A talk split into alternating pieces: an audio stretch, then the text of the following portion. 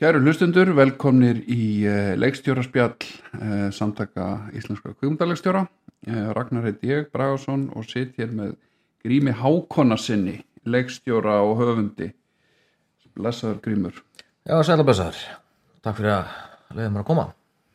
Já, uh, við erum búin að tala um þetta í einhvern smá tíma að gera þetta.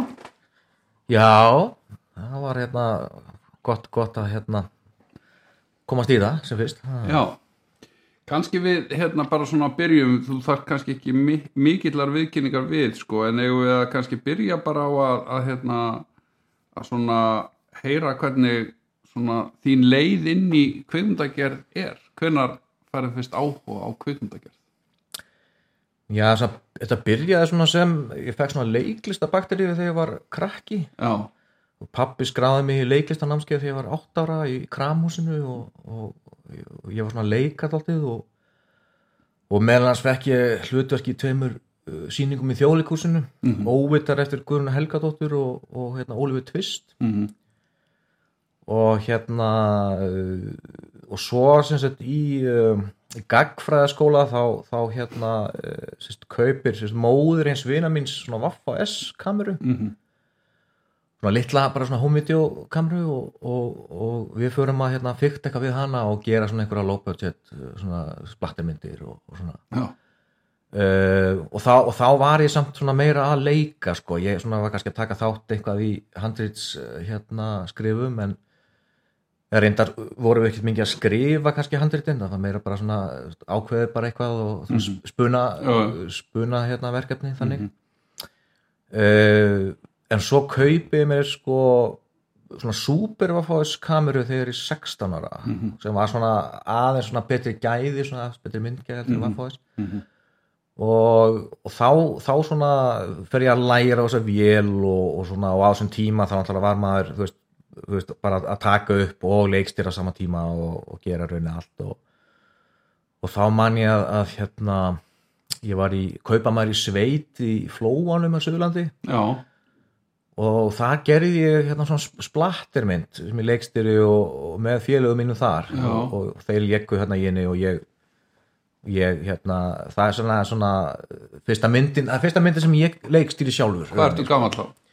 þá er ég nýjórinn 16 ára Já, og þetta var svona myndin hún hétt hérna Limur á lausu hérna, hérna splattermynd úr sunnlensku sveitum var undir titillin mhm, og hérna var gefin út í 35 eintökum á, á, á hérna spólu og Já. var, var að leiða hana hann á Söðurlandsvídeó og, og fleiri stöðum hvaða ári er þetta cirka, hvernig ertu fættur? Þetta er 93 sko, ég er fættur já. uh, 1977 Mhm, og þetta er 93 og ég, ég var sem úlingur þá var ég dálítið svona bjömyndagau sko, ég Já. var svolítið svona fyrir hillingsmyndir og, og var að horfa á svona grítis og þú veist, eitthvað Já, svona dótt og, og blob og svona, svona stöf sko.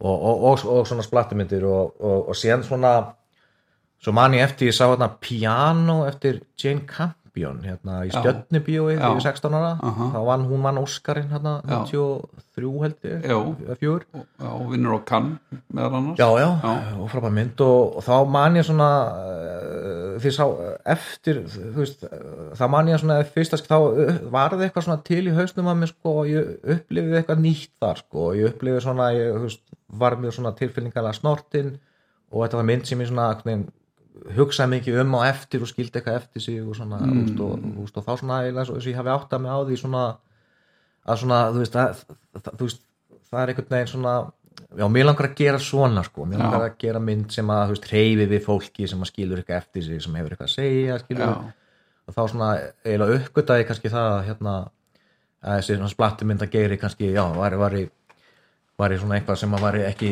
ekki, ekki eins eftirsóknarvert að, að, að, að vera í sko. Nei, en það er, Eh, þetta, er, svona- þetta er rosa algengt sko hjá ungum kvömdageramönnum eða þú veist, það er segja þegar fólk er svona stíga fyrstu skref og þá er það undir áhrifum einhver sko. Og hérna, þú veist, það eru glæpir og hryllingur og alls konar dóttir í sko sem að sem að er svona, þú veist uh, kannski svona meira, þú veist, það er eitthvað, það eitthvað fjör í því og það er eitthvað svona tilrauna kendara skiluru, þú veist, þetta er svona áður en fólk kannski uh, þú veist öðlast einhvers konar sjálfsvitund skilur Já, já. um, um sko, hið mannlega ástand. Þá er það meira svona að- gera einhverja tilraunir og þú veist maður er alltaf er svona líka, líka svona krakki þú veist þarna og, og þetta tengist líka kannski einhvernum þroska og, og líka þú veist á þessum sama tíma á þessum sama tíma er maður að þú veist maður byrjar að lesa þú veist Haldur Lagsnes og maður byrjar að lesa Karl Marx og þú veist byrjar að öðlast einhverja svona pólitíska vitund á sama tíma sko. Já, þannig að mér finnst það alltaf að líka haldast, haldast í hendur, maður er svona að verða svona, þú veist, maður er svona er, er byrjað að sökka sér í heimsbókmyndinar og svona sko, þetta er svona það er svona kannski, það gerist oft svona á mentaskóla árunum og,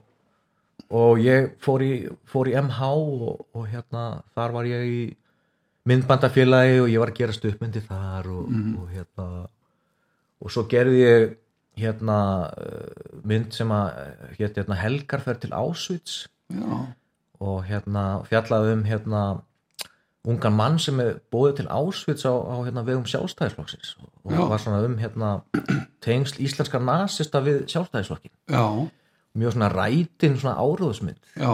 sem sem að ég er svona eh, stoltur af í dag þó ég sé kannski ekki að fara ekki ekki að sína hann á torgum en, en hérna og, það var eh, svona já það var, það var fyrsta myndin sem að var svona alvöru eða svona átti að vera svona alvöru mynd sko þannig, eh, og var þetta undir áhrifin frá David Lynch svona, þetta var svona þetta er svona Eraserhead feelingur í henni mm. svartkvít og, og hérna og þetta er svona, já, mynd sem ekkert margir vitum eða það séð sko. Mhm. en, en það, það var svona, þetta var hún var svona, þetta var svona fyrsta tilrun til að gera svona listræna kvikmynd.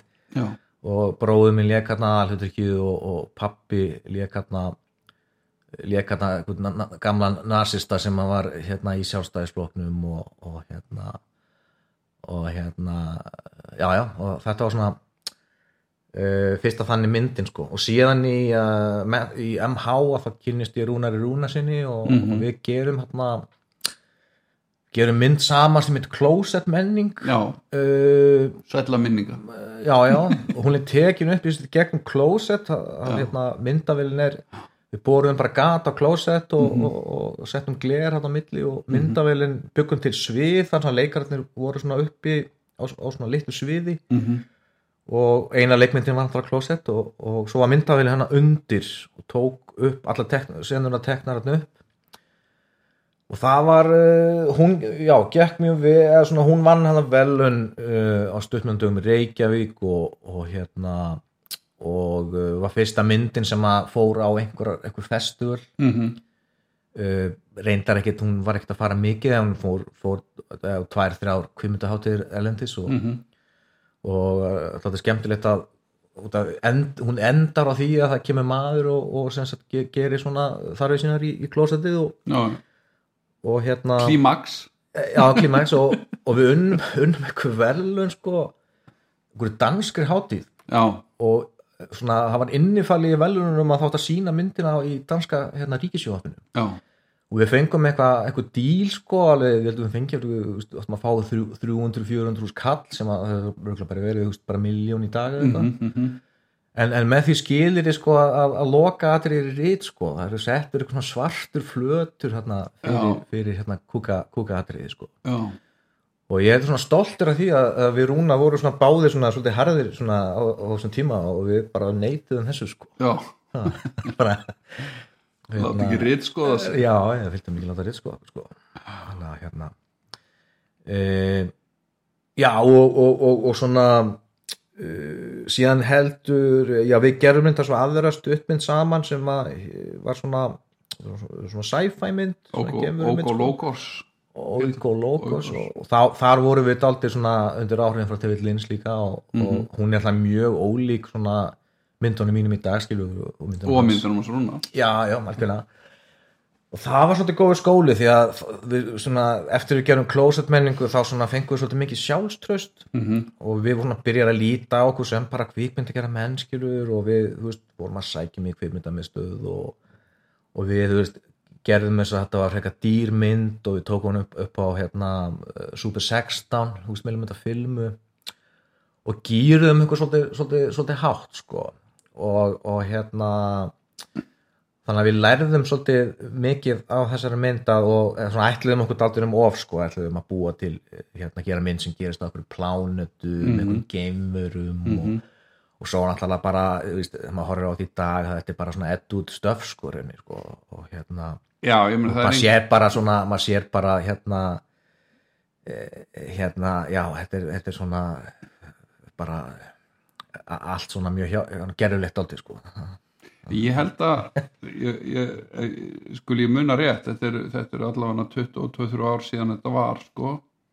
En ég man alltaf eftir að hérna ég var að gera sko fyrstu myndina minna 99 fjaskó og ég man alltaf eftir sko símtalinu held að hann verið rúnar frekar þú sem ringir í mig og hérna segir að, að, hérna, að myndin sé að klárast ógós lógós og ykkur vanti sko vettvang til að sína hana. Og ég var að fara að frumsýna sko fjaskó hvort það væri ekki að sína hana á undan skilur það væri stuttmynd á undan Já, já. myndinni. Já. Ég man ekki betur en hafi verið sínt á undan Já, hún hún var tekin úr sýningu sko, hún var sínd bara Í viku eða tværi já, eitthvað sko. já. en, en það var bara, bárist bara það marga kvartan já, ég segi, ég hugsa ég man alveg, þú veist, þetta er hún er náttúrulega frekar svona hún er frekar svona sérkennileg myndin þú veist, þetta er eitthvað personur, þetta er svona gemverur, skilur, gerðar með ge miklum gerfum og, og þú veist og, og Já, svona, hérna, mjög skemmtileg hugmynd mann ég, sko, þetta með þetta, þetta, þetta var mynd sem snýrist um hljóð. Já, geimverið sem lifa á hljóðum koma Já. frá hljóðlösu plánetu og, Já, og koma á einhverju hundruðum árþúsunda fresti til jarðarinnar til að sapna hljóðum sem einhvers konar fóður uh, Já, fyrir já, sig sko, já. á, á þessari fjarlægu plánutu nema sko þegar þau koma í þetta skipti að þá hefur hérna, maðurinn hafi innreið sína og öll hljóðin sem honum fylgja þú veist, yðnaðar hljóðin og, Og ofbeldi. ofbeldi og, og umferð og, og hvaða nú er þannig að, að það springa á þeim hausarnir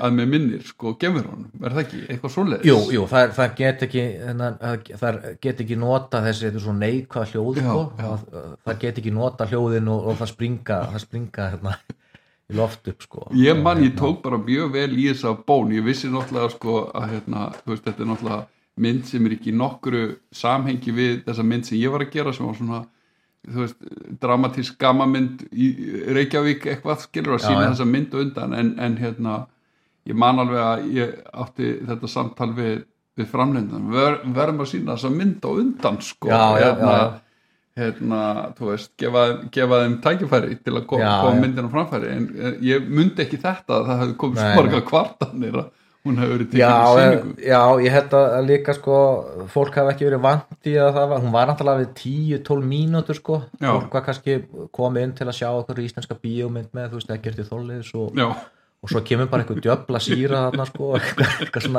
þetta var líka einhvern veginn, okkur tókst sko, hérna, hugmyndin er góð en, en fólk var ekki að skilja þú veist, hérna var, það var ekki að skilja Nei. það var ekki að fatta pointið. Nei, maður þurfti í rauninni bara að lesa rauninni bara um myndina, að lesa handriti held ég bara áður um að horfa á hana til, að, til að fatta það svona, þetta voru svona stærstu minnstökin um, en síðan er þetta skemmtileg saga sko að hún var í síndarna á undan fíasko í, í tvær vikur og svo var hún tekin úr sýningu. En svo var, sko, var hún hérna, heyrðu ykkur að sögu að hún var svona inn í tölvukerfinu sko, hún síndarna þetta var svona, hún var bara með auglýsingunum bara inn í svona tölvukerfinu. Já, já, já.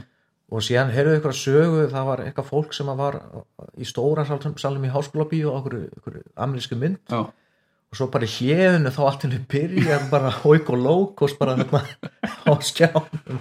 Ok, og hérna það var hérna, en já, þetta, þetta var svona góð skóli og held ég fyrir okkur báða og, og hérna og við, við svona við lendum í smá svona skuld við skuldum smá pening eftir þetta og hún mm. seldist ekkit skilur og hún fór ekkit mikið að hátíður eða þannig mm og, og hérna og, og það er svona, svona eftir þessa reynslu og, og svona líka að, kynna svona kvikmyndabransanum og, og hvað svona, þetta virkaði allt svo erfitt og svona erfitt að fá pening og maður var svona upplýðið svona fólk var svona dálítið biturt og brent svona sem að var í svona bransa og, og, og svona löng byður og alltaf út að götu hérna í það var alltaf svona í kveimundamistu það var alltaf svona einn dagur á ári þá sem maður tekið við umsögnum og kom allir í einu þá Já. svona byðruð út á götu sko.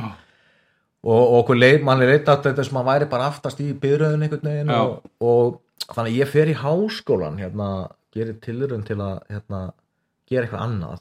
Mm þó að þetta hafi rauninni verið svona mitt aðal áhugamál. Já, fór í heimsbyggi í uh, hálft ár, nei, eitt ár. Mhm, um, og var svona að finna, var ekkert að finna mig kannski alveg brjálæðslega vel í því að svona, svona akademist umhverfi svona kannski henda mér ekki alveg nú vel, ég er svona kannski aðeins svo mikill sveitamaður í mér eða þannig mhm, sko. mhm, um, en svo hérna um vorið sagt tvö- árið 2000 að þá fer hérna einn vinur minn sem heitir Hallvarður kallaði Varði mhm, að hann ákveður að fara að spila með svona sveitabala hljómsveit frá Keflavík mhm, sem að hér Tópas mhm, og, og ég bara fyrir tilvíðun svona mæti á æfingu hjá þessari hljómsveit í Keflavík og, Mhm. og mér fannst svo komist sko, hvað þeir voru sko, hann var svona, síðarður hippi svona, eitthvað Mhm. svona uh, svona, einhver sigur þessa típa eða þannig sko.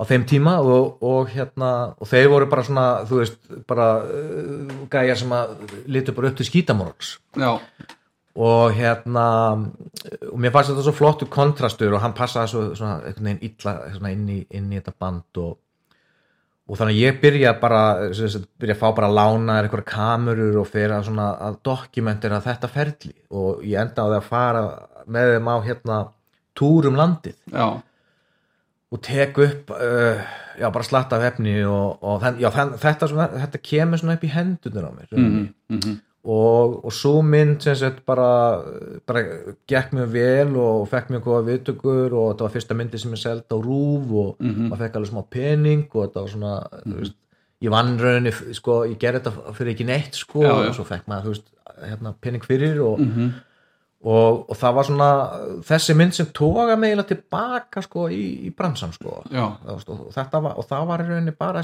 bara tilvíðin, þetta var svona hugmynd sem að þetta svona sem kom upp sko. Mhm, og ég heitlaðist aldrei af svona uh, á þessum sama tíma eru þessar digital kamerur að digitalvæðingin að byrja og þessar digital kamerur að DV-kam vélar að koma. Mhm, og það, svona, og það var hægt að þetta á sama tíma og sko skjár einn er að byrja og að dæla þú veist, út alls konar efni og, og, og ég svona uh, og ég svona já, sé, sé svona þannig að þetta, sko, þetta möguleika sko að geta gert sko bara heimildamind upp á einn spýtur uh, fyrir bara mjög lítinn pening og, og svona í staðan fyrir að vera já, þú veist já og, og, og, og svona sé, sé, sé svona kostina við það að, að uh, gera heimildamindir rauninni. Mhm, það, þannig að heimildamynda svona ferillin byrjar mitt á þessu svona, það er svona, ég sé svona þess að möguleika svona að mitt að gera bara úst, ódýra myndir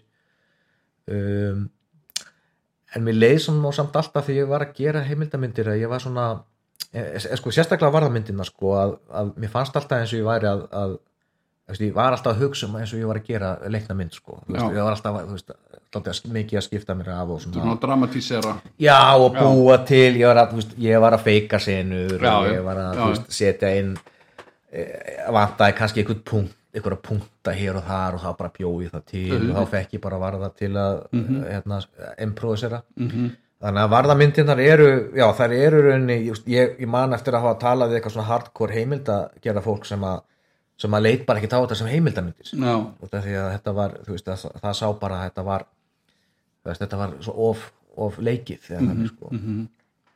já, já. En gæðarnir í bandinu, þeir, þeir voru þeir þurftu ekki að leika sko. Nei, þetta var bara varði, það var svona þinn maður hérna inn í, inn í þessum veruleika svo, svo gerir varði Goes Europe.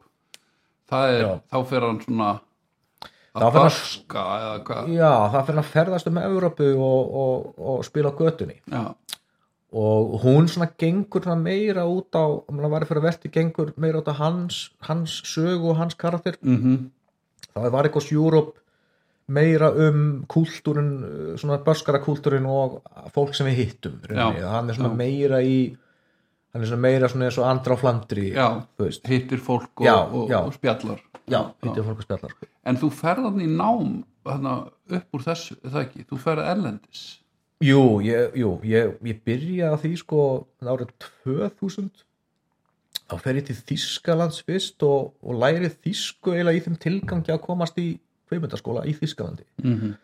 Ákvörðu Og það- Þískaland? uh, það var í rauninni bara það var svo sem kannski þú veist, ég ætla að vildi ekki fara til bandaríkjana því að það var svo dýrt og svona ég vildi fara, ég verið svona skóla uh, og um, ég veit ekki. Það, er svona, það, var, það, var ekki, það var ekkert einhver áhuga þýskri kvikmynd að gera þannig sko.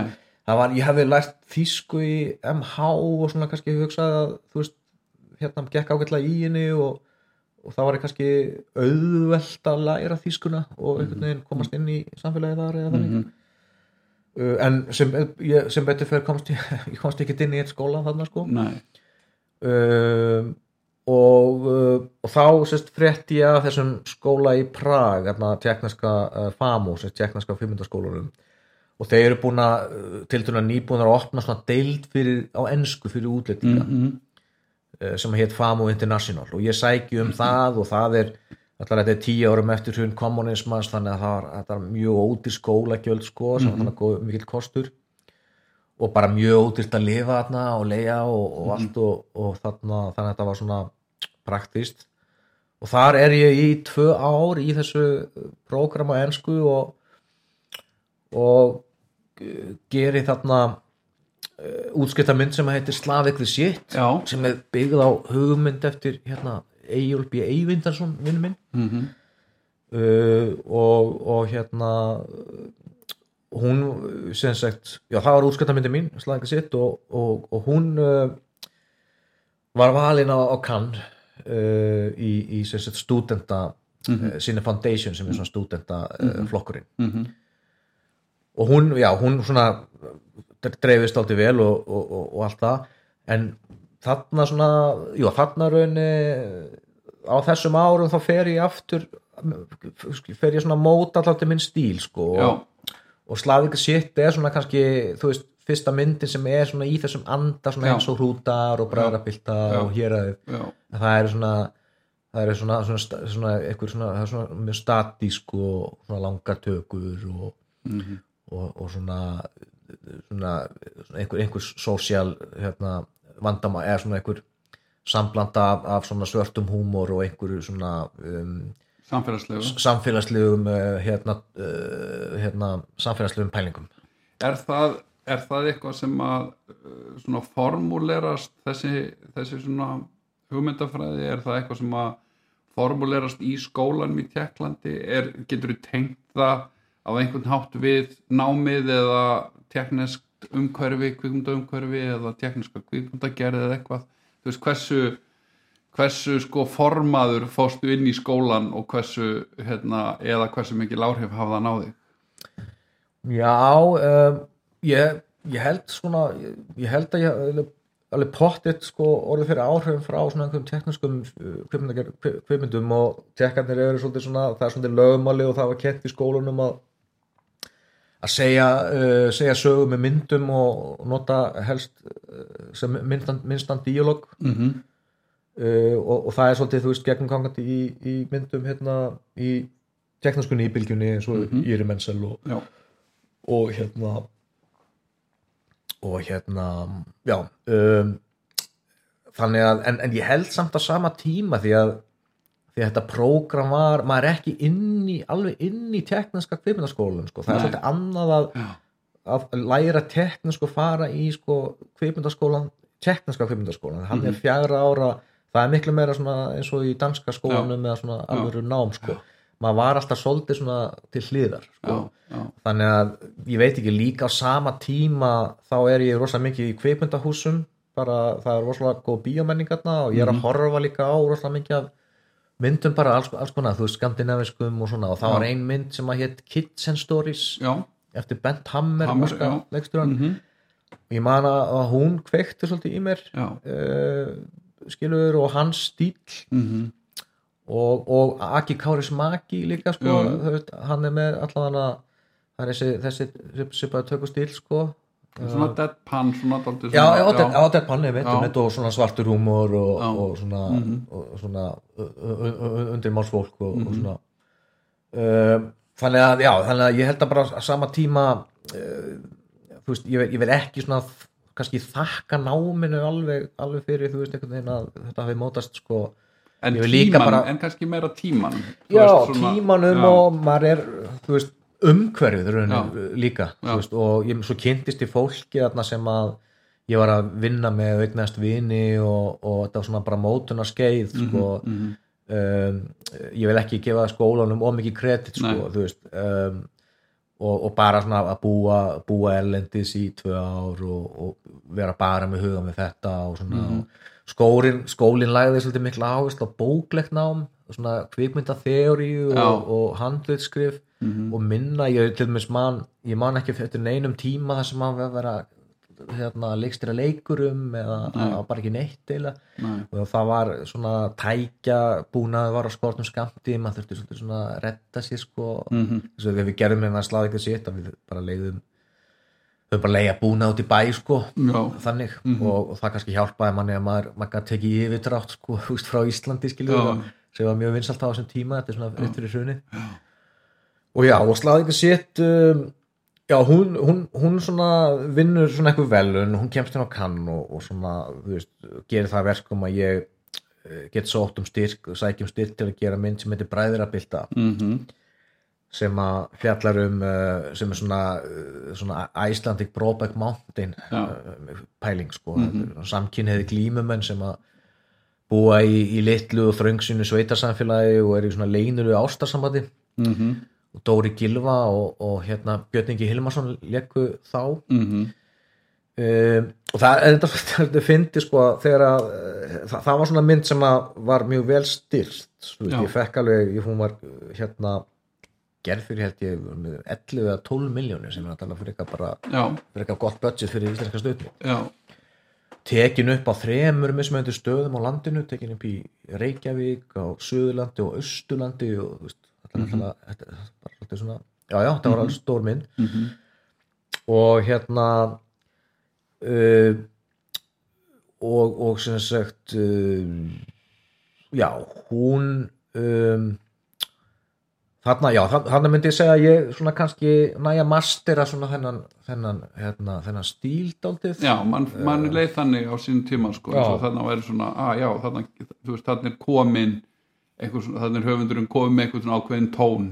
sem að sem að þú veist, er svona einhver aðdraðanda eðlilega skilur en þannig að maður svona upplýði þú veist, að væri búið að að, formúlera hugsunina skilur já, já, í, í einmitt. Ég man ekki alveg rifjað upp með mér sko, því ég man við áttum þetta samtal á sínum tíma með bræðrabildu sko, hvernig var tímasettingin aftur með Brokeback Mountain? og já, já, hef, það var, ég ætla að segja það ég glemdi því sko já. um, já, að, að, að þegar að ég bara að, að Elisabeth Rónastóttir var að klippa bræðabildu Já. og við erum bara að ganga frá klippinu já, þá frétti ég af því að það er komin einhver gay kúrikamynd í bíó já, og ég fer að sjá hana Já.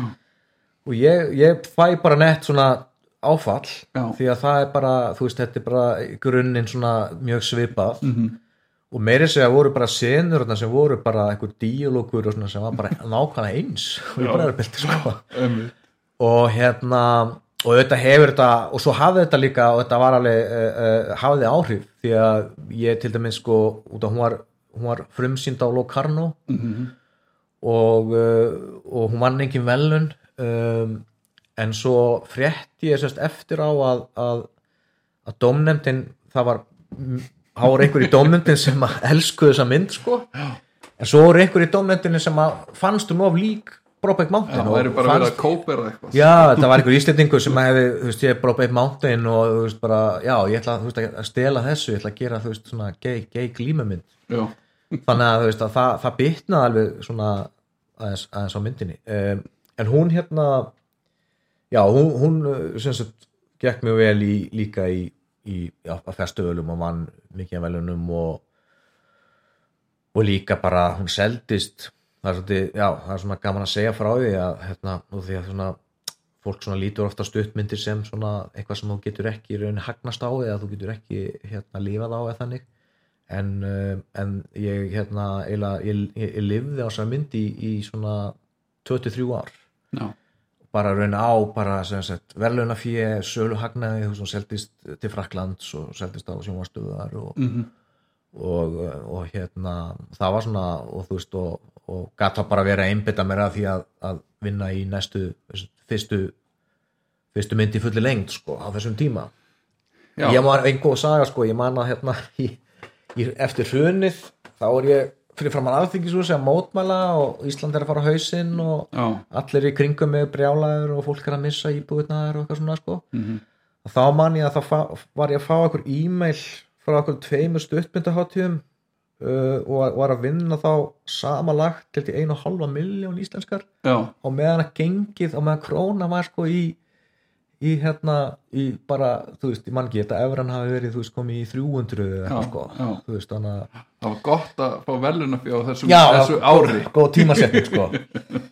Uh, en já, eða, svona ég, þú veist, ég er bara svona ég, ég er ekkert að monta með þessu þú veist, ég er bara svona, ég er bara mér finnst það gaman að segja frá því að að, um, að það er, þú veist það er alveg hægt að gera stuttmynd þú veist, er, og, og að hafa ágætlega út úr í, þú veist, ef maður er heppinn sko, Já. veist, já, eða gerir góða mynd það er Já, að en þannig ertu náttúrulega komin með sko, ég held að vilja tala um þetta sko uh, þú veist, reynsla og track record eða hvað segja svona ferilskráin og allt þetta sem, sem leiðir að sko því, því sem að mennst að flestir, flestir stefna að sem er að gera kvikmynd í fullri lengd uh, bíómynd.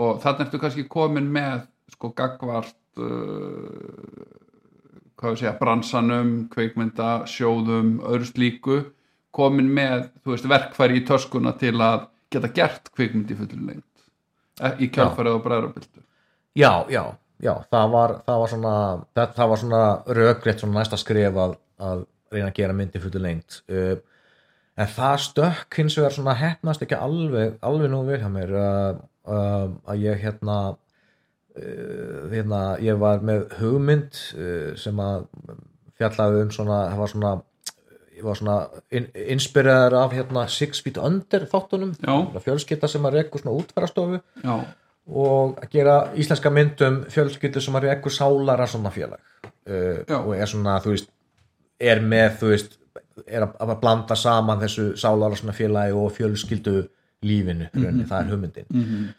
og, og ég svona á þessum tíma þá var ég svona að hugsa um að svona, að mér langa að gera svona eitthvað svona áhrifendavæna mynd svona, svona mynd sem myndi svona fara í bíó og svona myndi svona ganga vel í bíó og hafa til fjöldans og svona var svona einhver pæling svona eins og íslenski draumurinn eða svona var svona, svona skilur ég var svolítið með þetta svona í haustum á mér, ég veit ekki það, það er svolítið anstætt því sem að sem ég sé hugsa í dag sko en En það var ein- einhver svona löngun ég veit ekki, ég, ég, ég þekki fleiri sem að fengi svona þessa, þessa svona löngun að gera eitthvað svona allt á hreinu þú veist, eitthvað svona gegn og íslenska þjóðin elskar skilur og eitthvað svona. Mhm, um, og og, um, um, og og ég hérna gerði þessa mynd uh, já og, og hún uh, og, sett, og þetta er mynd sem ég er alveg uh, stoltur af og, og hún ég rauninu thematíst sko passar hún alveg, fellur hún alveg sama við það sem ég gert sko. Þú veist, það er pólitík í þessu svona undirliggjandi ádela og kapitalisma og, mhm,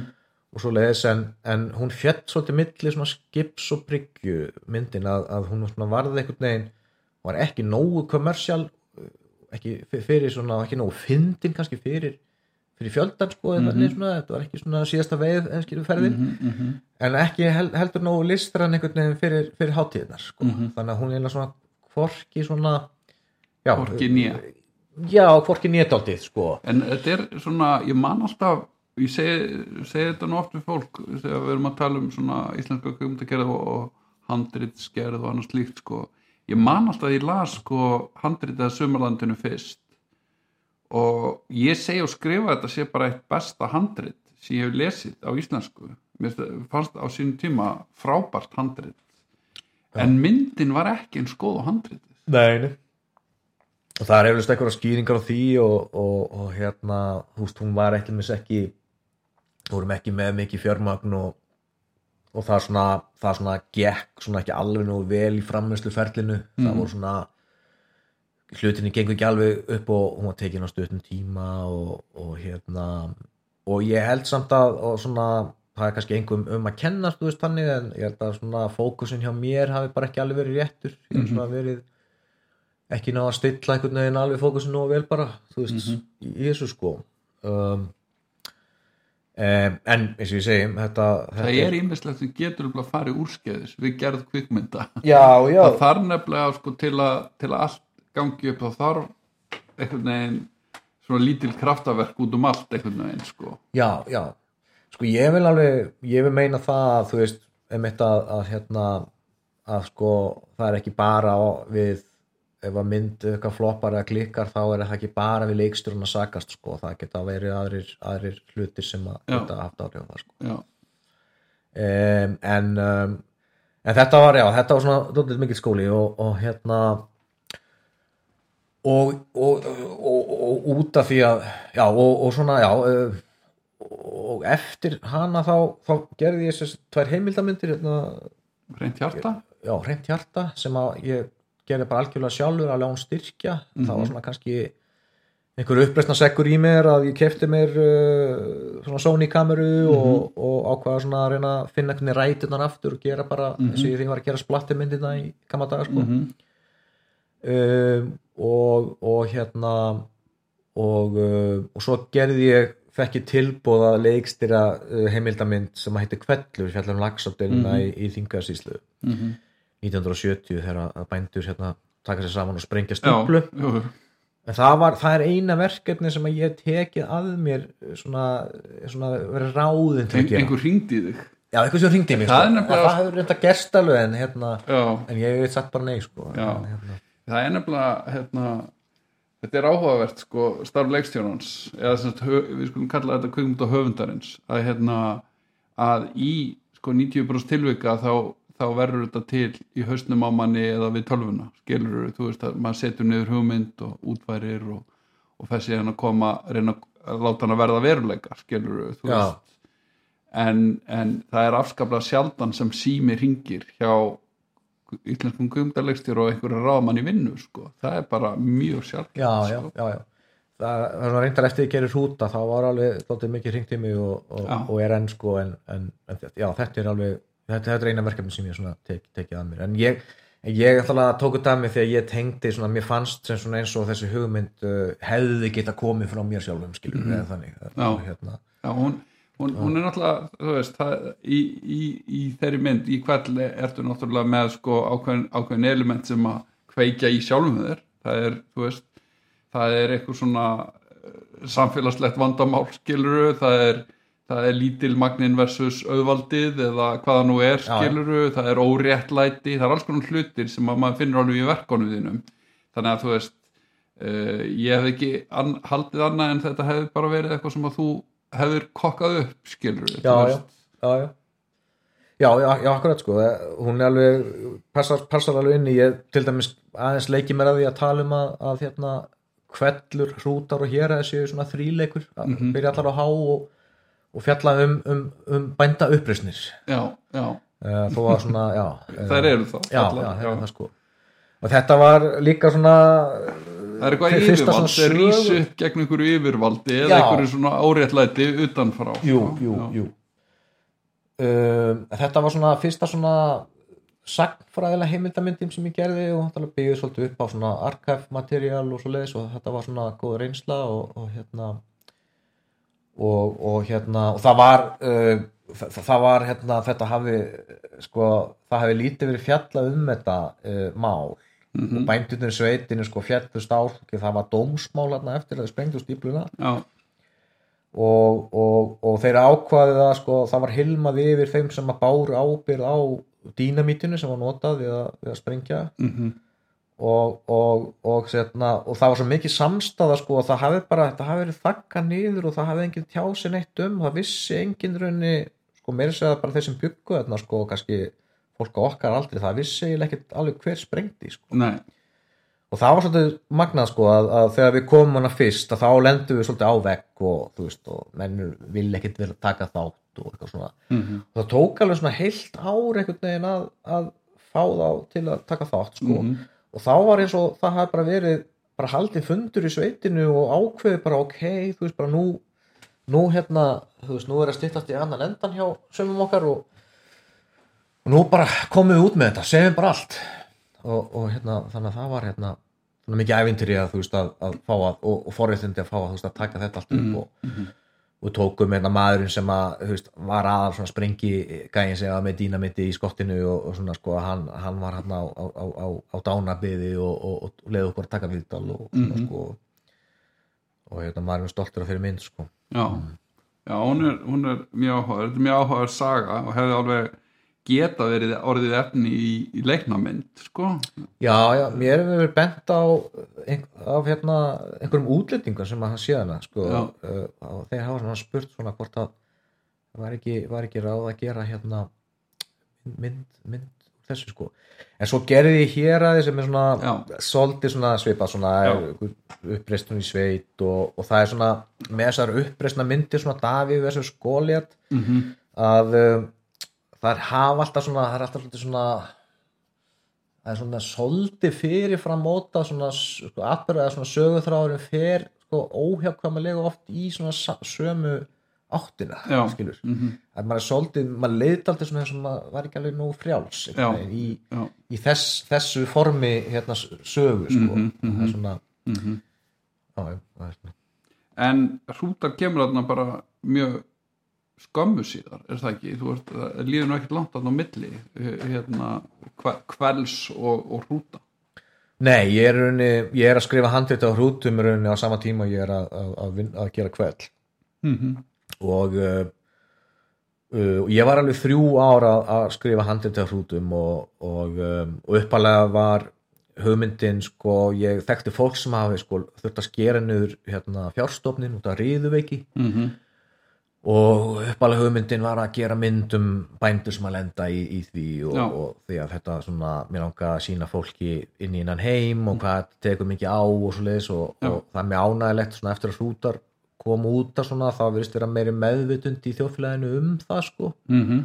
það sé það bara eins og í fréttum og svona miklu meiri fjallað um þessi mál og svona. Já, um, en já um, og svo blandaðist inn í þetta svo, svo sagði pappi minn sko hann, hann er oft svona hann, hann kveikir oft, hann kemur oft með hérna, hugmyndir. hu, já, áns að vita það sko bara segir mér sögur sem ég gríp á lofti. Já, og hann sagði mér sögu að tveimur bræðurum í Reykjadal sem að uh, tölust ekki við í 40 ár og, og þangað til annar dó og mjög svona, hún er henni það er eiginlega ennþá tragiskari endur heldur en í rútum mörgum finnst endurinn í rútum tragiskur. Og um, og já, þannig að það er þess svona og þetta blandast einhvern veginn svona, saman og, og svo fæ ég hérna Grímar Jónsson hérna til að framleiða. Og hann var svona hafði unnið hjá Siksak en hann hafði ekki framleitt svona alveg uh, verið aðal framleiðanda kvikmynd. Nei, og hann var í, þegar ég hitti á hann uh, 2013 eða 14 þá er hann í svona millibils ástandi, hann er uh, nýhættur að vinna hjá Norræna kvikmyndasjónun í fluttur heim og svona vissi ekki hvað hann átti að gera. Já, þannig ég hitti svolítið vel á hann og, og hann, hann svona heitlast að þessu og, og, og fer út í það að stopna þannig Netop Films. Mm um, og, um, og já og, og, og, og, það gekk ekkit sérstaklega vel að fjármagnarna sko, það, við vorum ekkit við vorum með peninga frá kveimundamistuð og, og svo frá danska sjónum. Mm um, og ég, ég man að það, það var þetta var ekkit mikið sel sko, í, í, í, það var erfitt að þessu sko, Já. þú veist, tveir ykkur kallar skil ykkur sögfjárbændur þú veist, mm talast ekki við og svona, þú veist, og þetta var, þetta var ekkit mjög svona, þetta, virkaði ekki svona mjög svona sellable sko, á fólk sko. Nei, og, og, og líka bara ég maður bara að maður maður sér sjálfur eitthvað bara á kaffibarnum eitthvað veist, og einhver að spyrja mig hvað ég var að gera og veist, eins og og kvipind að gera menn sko, það er alltaf að vera bombandira spurningum á mann sko, veist, hvað hva, hva þetta var að gera gerur, Mhm. og þá man ég að mér, mér fannst bara þegar ég var að segja, veist, sögurþrónir í hrútum mér fannst bara eins og, orðin væri bara svona rottna einhvern veginn sko, í myndin á mig sko. Um, já og, og hérna Já, en, en, en, já, en svo bara, já, ge- gekk þetta þessi vel uh, og við tókum hann upp í hérna báradalnum og og uh, þetta er svona, já, verkefni það er svona magnað að- ég heyrði Friðrik Þór tala um hérna börn náttúrunar í, í, í hérna heimilda þáttunum hans hérna, kveipundasögu þáttunum hans ása. Já, þá var hann að tala um að, að, fram, í, í bötum náttúrunar þá hefði við svona allt gengið upp einhvern veginn og uh, mér leiti átti þannig með hrúta að það einhvern veginn gekk allt upp sko. Mhm. það svona var einhver gæfa í verkefninu það var svona, það svona team spirit sem myndaðist á settinu. Mhm, við vorum ekki með mikla peninga þurftum að hlaða mikið á dagana við náðum alltaf að klára einhvern veginn. Mhm, við áttum gott samband við fólki þarna í, í sveitinni. Uh, leikararnir voru svona spot on við vorum, fengum tökumann sem að uh, var að, taka eina svona, fyrstu bíómynd nýjútskrifaður úr danska skólanum og maður sem er eitt besti tökumaður bara í Evrop í dag sko. þannig að við hittum hann á algjört hæfileika punkt Sturla, Grölun Sturla Brandt Gröflen já og, og síðan var svona, var svona lán í óláni að að, að hún splittast sko, myndin gerist um sömar og vetur. Mm byrjar um sömar þannig að þetta voru tvö tökutífambil þegar að við uh, tökum upp aðna, ætlum að taka vetartökunar í november mhm, að, og vildum hafa snjó já, að þá fengum við snjó hann fyrstu dagana svo hverfur snjórin mhm, og við lendum í vandræðum og byrjum að taka, förum inn í húsin og förum að taka innisennur og eitthvað svona og vonast eftir að komi snjórin já, en uh, við náum ekki að klára um, og við þannig að við klárum myndina raunni í janúar. Þannig að þetta eru þrjú tökutímabil. Já, og alltaf milli sko milli þessa tímabila þá gerðust alls konar góði hlutir svona kreatífi hlutir sko. Já, þá fekk ég nýjar hugmyndir þú veist, þá breytti ég handritinu Já. þá, þú veist gerðist ímislegt sko. Þannig að það er svona, og ég er svona stundum pælt í því sko, þegar ég bæði teki myndir í einu rikk og svo gerði ég hrúta sem er tekin í þremur hlutum að það sé svolítið svona jafnvel bara eh, svolítið heilbritt og gott sko uh, að gera það sko. Þú hafið, þú veist, líka þú keirir svolítið út og ert í sex viku streit sko í tökum, þú klárar svolítið batteri sko. Þannig að, þannig að það, það var svolítið gott sko.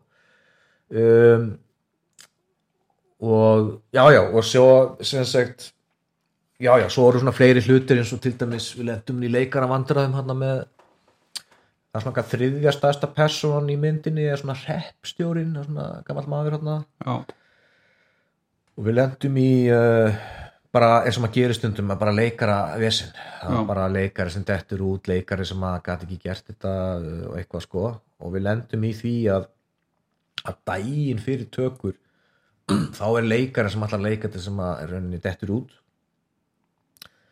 Og, og við fáum og þá hafði ég bara fyrir tilviljun farið á, á leiksýningu Reykjadal hann einhverju félagsemili mhm, og sé þetta mann sem er bara veist, hefur reyndar alveg reynslu hann er ekki mentaður en, en svona hafði svolítið reynslu mhm sem að kallaði brói Nú voru áhuga leikfélögum já, já, já, já, og, og, og, og svona sá, sá alveg að hann hérna, þú veist, hann, hann, hann er flottu karakter og, og, og, og góður að leika og, um, og ég, við bara höfum bara daginn fyrir tökur, það bara höfum við sambandið hann og hann mæti bara kvöldi bara á eina æfingu og, og svo voru að fara að taka sko, tökuplanið var þannig að við vorum að taka mikið með honum bara fyrsta daginn sko. Mhm, en, en, en, en hann bara neglir þetta sko og raun og veru sko já bara veist, bara algjörlega bara ne neglir þetta sko uh, og þú veist út af því að þetta hefði náttúrulega alveg bara þú veist það hefði alveg getið bara farið með verð sko. Já. Þú veist, og þannig að veist þetta voru svona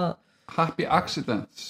Já já já. Það voru svona þú veist það voru svona þannig sko. Og, og síðan hérna lendu við í uh, sko vorum uh, þegar að myndin er tilbúin. Já við náum ekki að klára við, við, við eigum ekki fjármagn til að klára myndina meðal annars út af þessu frest, frestuðum tökunum. Þá Mhm. töpum við hérna einhverjum miljónum mhm, og uh, með herkjum tekst okkur einhvern veginn að uh, hérna, redd, náum að redda þarna sagt, það er maður sem að gríma þekkir í Nóri sem að er hérna úr einhver svona ríkri fjölskyldu sem að hefur á kveipmyndagerð Já. hann fá lána frá honum til að klára hana og, og erum bara í mínus og, og svona skilur og, og svona.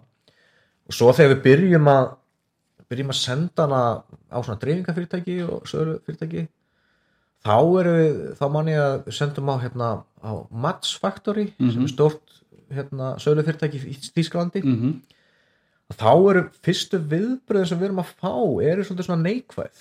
Eru svolítið svona á þann veg að svona, já, þetta er því svona eitthvað bergmann, svona eitthvað gamaldags svona norrænt eitthvað svona döð sko, mm veist, er, er þetta að fara eitthvað að gera eitthvað sko, mm og ég meina þetta er hrúta, þú veist, þetta er, veist, þetta er alveg svona þannig sig, svolítið klassisk svona norræn mynd en, auðvitað, en við erum náttúrulega, þú veist maður er náttúrulega ungu maður og maður er að koma með eitthvað nýtt náttúrulega líka. Um, þannig að fyrstu viðbyrjun er ekkert sérstaklega jákvæð. Um, og síðan hérna uh, kom, já, svo kemst hún inn á kann og, og hérna í Uncertain Regard og, og sem að var mjög óvænt og, og hérna og já, og svo náttúrulega vinnur hún sér velun og þú veist að maður har sagt oft frá því öllu og, og svo leiðis en, en, en um, það, þetta var, þú veist þú veist, þess að segja, væntingarna voru ekki miklar og hjá mér sko og okkur og, og hérna, þetta var allt mjög óvænt bara í rauninni sko. Og ég, ég er svona, ég er sagt fyrir á þér sko að að það er eitthvað svona, eitthvað lögmál eða svona eitthvað mýta í bransanum á Íslandi að þú gerir tvær myndir sem að einhvern veginn gangi ekki eða þannig, -hmm. þá er þetta búið. Þá færið ekki aftur séns. Já. og þú veist, ég geri mynd sem að, sumarlandi sem að gekk ekki upp mm uh, og ég var alltaf að hafa þessi hugsun á mér bara því að gera hrúta bara hefðu ég ég bara, þú veist, þetta er bara hérna, ég er bara uppi veggina sko, ég er bara með, bara gikkin í hnakkan sko. Já, og, og þess vegna þar að leiðandi sko var ég til dæmis ekki með neinar hugmyndir, þú veist, að einhverju nýju einhverjum öðrum myndum eftir hrúta eftir hrúta sko. Nei, uh, og ég, ég læri svolítið á þessu sko að, að svo, veist, gerir ég hrúta og hún gengur slá vel og, og, og þá er bara, þá opna slags konar dyr og það er verið að spyrja mann, þú veist, ertu, veist, ertu með eitthvað hugmynd og menn bara mm alls konar fyrirtæki bara, þú veist maður að fá alls konar tilbúið og svona og þá er ég bara ekki með neitt í skúfunni sko. Ég er bara ekki með neitt sko. Nei, og ég man ég átti samtal við þig á Bjarnafél einhvern tímann og vorum að horfa okkur leik og, og þá varstu emmitt að svona segja við mig að hérna, að hérna var gott að vera þú veist, kannski með eitthvað í skúfinni þú veist, eitthvað annað sko. Mhm. en hugsunni hjá mér var bara, þú veist, þetta er bara síðasti sjensin bara do or die, þú veist, annarkvort bara er þetta búið? Mhm. eða, eða, þú veist. Ég, ég, man, ég man sko hérna, þú baðst með um að koma að horfa á klipp uh, einhver staðar í einhverju kvikmdósi og svona klára myndina.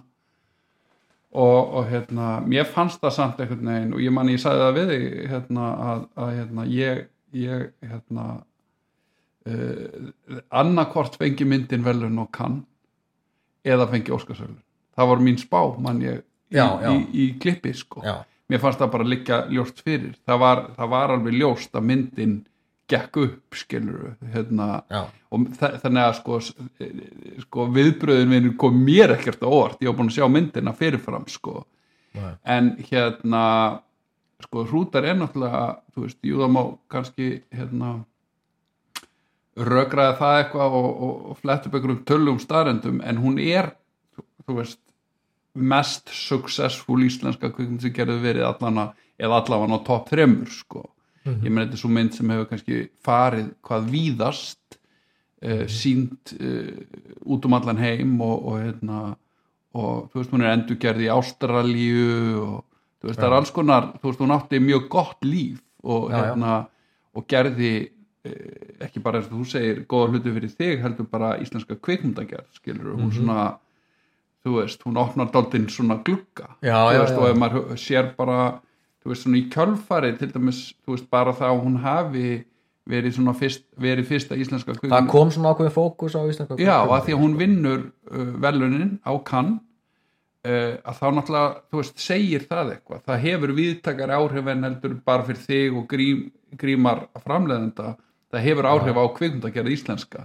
Já, að því að það svona hm, hvað er að gerast, íslensk mynd vinnur uh, ansvarstæðan í gard skilur já, já, og hérna og, og svo hefur track record eða svona ferill íslenskra mynda á kann verið mjög góður eftir þetta. Eða sem það Já, er svona Já. allt í nú er standa dittnar pínu opnar skilur, Já, og þeir eru svona móttækilegir fyrir íslensku og ég veit til dæmis að sko ég hef bara heyrt það og held að sé á staðrönd að, að þær myndir, svona íslensku myndir sem voru til dæmis að koma ná eftir þú veist að þe- þe- þe- þeim gekk betur að fjárma, fá fjármagn erlendis og bara meiri tiltrú bara svona eins og eitthvað tiltrú á okkur fyrirtæki að þannig, þú veist, að bara gengið Já. í íslensku kveipund að gera bara hækka Bara þessu, sko, og, þú veist, og það er ekkert svona launungamál en ég þá minnast um þetta á Óskar en að það kannski hérna þá svona hérna, út, út af því að þá svona kom svona kannski reynsluleysið okkar svolítið, svolítið í ljós mm. svona við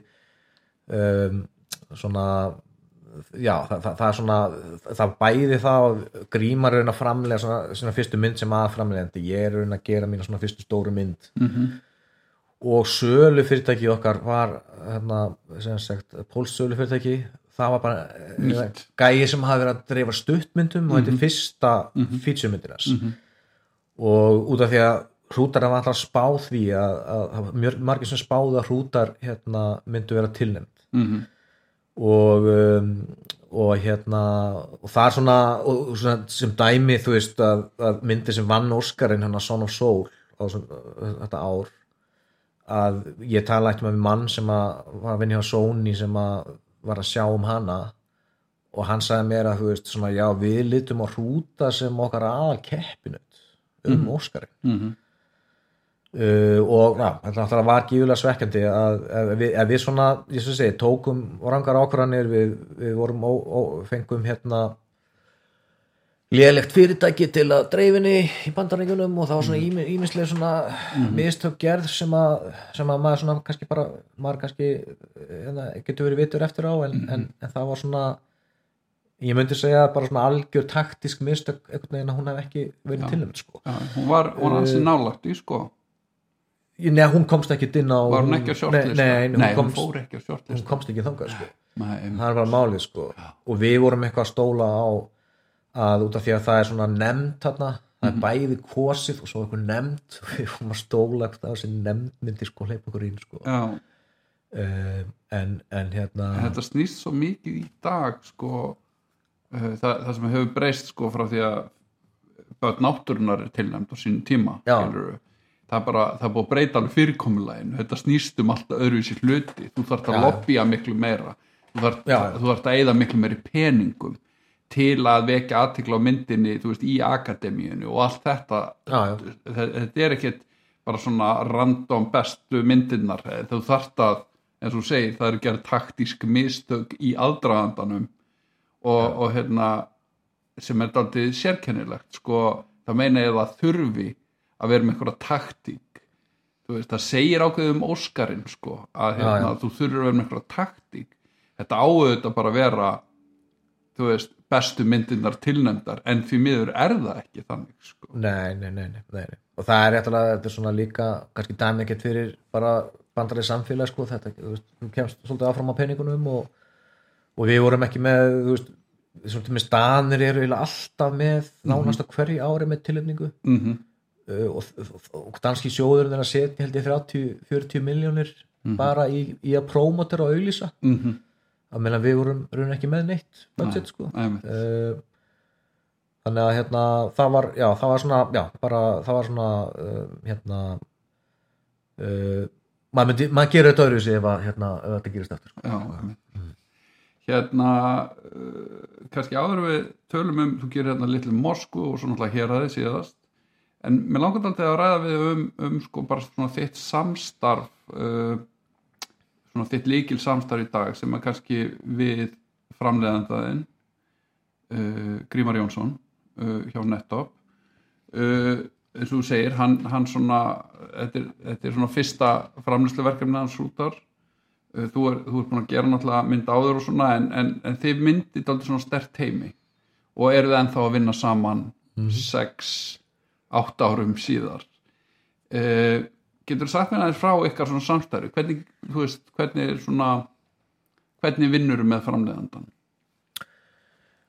Já, það er svona við, viðstum, við erum mjög ólíki karakterar sko Mhm. uh, en við svona bætum hvernig annan upp svolítið. Mhm, og það er svona svolítið skýr svona verkaskipting já, og það er svona alveg fullkomin traust. Og við erum náttúrulega orðnir í dag bara mjög góði vinir mhm, um, þannig að svona og það er svona, já, ég, ég treyst honum 100% skilur um, hérna og já, það, er hérna og það er, já, það er eitt og svo er hérna um, sem ég segi, hann er svona leikstjóra vætt framleiðandi hann, hann, hvað hann treystir svolítið Já. á leikstjórana Já. veist, hann hefur verið með mig og Hatta og, mhm, og hann er svolítið að treysta bara á að við púlum þetta skilur Mhm. og, og, og hérna og sjálfsög hann kemur, gefur, gefur alltaf góð ráð og, og alltaf en, en, en það er svona veist, það er svona ekki mikill barningur þú veist, Nei.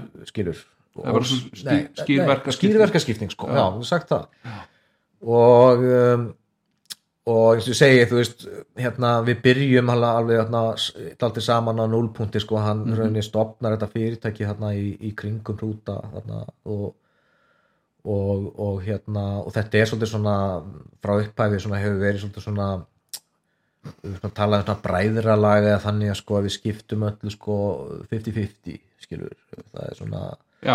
eða þú veist já, það, það er Þetta meina hag, hag, eða svona peninga já, já, já það, er- það, er svona hagnaður verður. það er svolítið svona 50-50 regla bara veist, að við erum eigumyndinar saman og, Mhm. og, og, og allt það og, og hérna uh, og svo er hann hefur, hann er mjög hérna svona naskur af fólk og, og svona he, og góður að búa til svona stemningu og, og, og svona hefur og svona pepp, hann er svolítið peppar hann peppar, peppar hlutinu upp og peppar fólku upp í Mhm. kringu sig hann, það er alltaf góð mórall einhvern veginn á setti þú veist, þegar hann er að framlega þú veist, það er alltaf svona, veist, góð stemning það er alltaf svona, þú veist, það er ekki leðindi og þú veist, það er bara svona, svona hippa hippa, hippa komuna bara mm. -hmm. sko. Mhm.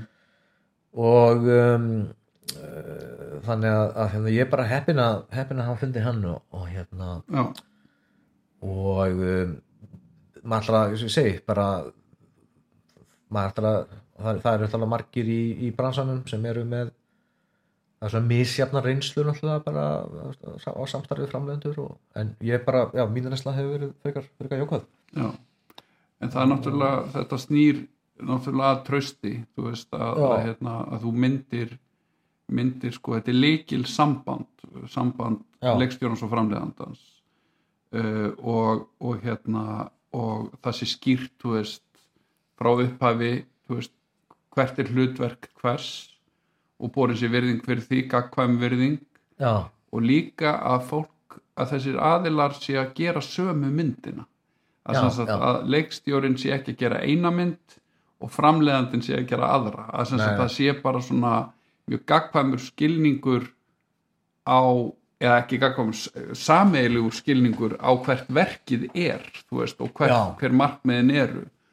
Og eins og segir veist, framleiðandi sem að sem að sko uh, hérna treystir leikstjórunum fyrir, fyrir að taka að, að stýra verkinu skilur Já, listrænt séð og, og, og gera góða mynd því það er náttúrulega leikstjórans að gera góða mynd að, Já. að, hérna, að koma öllum á svona sömu blaðsöðu listrænt séð, listrænt stjórnundum leikurum og öðrum sko.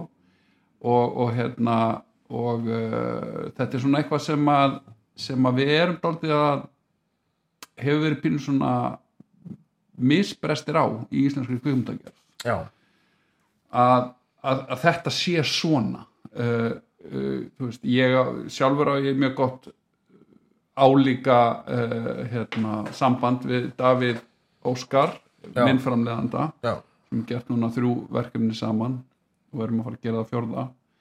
Þar sem að þetta er á þar sem að sko framlegandinn hefur skilning á hvað er hvert er verksvið leikstjórans og hvert er verksvið framlegandans og, og þetta snýst náttúrulega um traust að, að hérna, maður treysti framleiðandunum fyrir að sinna sínu og að samaskapi þarf framleiðandun að treysta leikstjórnum fyrir að sinna sínu. Já, já, og, og ef, að, ef að hlutinir eru bara rættir á frumstigum og það er alveg hérna, svona sameiginlegur skilningur á hvað, hvernig mynda á að gera og hvernig, hvernig á að gera hana já, að þá gengur það upp. Uh, ég man alltaf eftir sko uh, námskeiði sem ég fór á, þú veist, snemma á öldinni það er allir sér ekki 20 ár síðan já, í, í Wales sem hafa svona gefið út fyrir að vera svona einhvers konar handrits námskeið, svona verkefnabasera námskeið þar sem að að komu pör sem sagt, leikstjóri framleiðendur, koma svona pör saman á þetta námskeið mm -hmm. viðsvegar um Evrópu þetta heit uh, að ég man nú ekki hvað þetta var í, í media þróunni og, og hérna þar sem var verið svona bara að fara í gegnum verkefnin og, og það voru svona handritsdoktorar og ráðgjafar og fyrirlestrar og annars líkt, þetta er svona vika í veils já, og en sko grunn hugmynd námskessins, held að, það heiti Arista, eh, man ekki betur. Mm. eh, gekk út á að koma sem sagt að kenna framleiðendum og leikstjórum að komast á sömu blaðsíðu. Af því að Já. þetta var þetta var ekki bara íslenskt vandamál þetta var evróst hérna, þú veist, evróst vandamál. Já, já. Að framleiðendur var að gera eitthvað annað en leikstjórin eða heldur Já, var að gera já, eitthvað aðra já, mynd já, eða eitthvað já, slíkt skilur og þá verða til einhver átök. Já, og, og hérna ef það verða átök á milli leikstjóra og framleiðenda Mm. þá yfirleitt er sko afurðin skert skilur Já, veist, já. það bara, það hefur neikvað áhrif á verkið sem slíkt sko. Já, já. Ég þessi svona tvent í þessu sko með, með að menn sig ekki sömu blaðsju að, að það er annars vegar sko að, að framhjöndu leikstur er bara með ólíkan veist, bara framleiðandinn er bara að fíla bara skilur eitthvað eitthvað, segjum bara eitthvað kommersial bara Van Damme eða eitthvað skilur og, Mhm. og, og, og, og leikstjónin og leikstjónin er, er að horfa á Tarkovski sko. og, og þannig að, og, og þannig að það, það meikar ekki veist, það, þannig það, það bara vill ekki það býður ekki gott sko. mhm, um, en uh, og svo er hitt svona sem er, maður er alveg hitt af líka að það er svona, þegar að framleiðandi er svona með svona leikstjóri í maganum sko, Já. og vill svona sjálfur kannski verða leikstjóri mhm, og er svona, er að skipta sér af og, og svona fullmikið og, og Mhm. já, er svona með eitthvað draum sko, sem að er bara ansi algengt sko, ég er nú svona sjálfur ekki lendi í en, en maður heilt svona, heilt svona sögur sko. Já og það, það svona það veitir ekki á gott sko. En þú hefur haft þú veist, í þínum verkum sem að þú hefur gert með grímari hefur haft þú veist, þú veist hérna, það sem við segjum Final Cut og, og, og listrarna stjórna á verkefninu skilur, þeir hefur Já, treyst fyrir því já, já, já, já, og ég hef uh, svo er sko það er gott við þetta samfélag okkar að, að menn er alltaf tilbúinir að lesa hvort annars handrit mm. -hmm. og klipp og þannig, ég er bara svona ég, ég er ekki þannig, ég ber ekki undir ég ber ekki handritin mín undir fólk sko, þú veist, ég fæ alveg, ég fæ alveg þetta feedback sem ég þarf og, Já, og ég held að það sé um, og það er ekki, kannski ekki endilega kannski framleiðandinn sem að mér finnst að mm, eigi kannski endilega að vera þar sko, og það ég hef líka reynslu af, af einu erlendu verkefni sem að ég uh, fór að stað með hann eftir hrúta uh, samstarfið, það var brest fyrirtæki. Þá hafði ég svona fekk, hafði smá, smá reynsla af framleiðendum sem að eru rosalega mikið að, að poti handritið Mhm. og, og svona veist, svona bjúró, bjúrókratar bara sem að Mhm. líka yfir öllum blaðsíðum og Mhm. þannig að hérna og, og mér finnst það eitthvað svona það er eitthvað bóið við það mér, sko. þú veist menn, menn, menn, menn geta haft svona, auðvitað svona einhver, einhver, einhver, einhver, einhver, einhver, einhver skoðanir og svo leiðis en, en svona en, en ekki svona rítstýra sko. en það, þetta er ákveðin þetta er áhugaður punktur sko með þú veist, eh, sko þú veist, leikstjóri þótt hann sé þú veist, eh, þú veist höfuð á þessari listrannu fjölskyldu sem að skapar verkið listrannu stjórnendum, leikurum og öðrum skellur og þú veist að sem að svona koma að verkinu til að uppfylla sín leikstjórans að gera þá mynd sem hann vill gera úr þessu tilteknu, tilteknu handriti já, að þá er náttúrulega allir góðir kvikmyndahöfundar eru engin eilönd. Maður er alltaf sko hérna, veist, í samtali allan tíman með Já. sko, veist uh, innihald og, og alls konar hluti.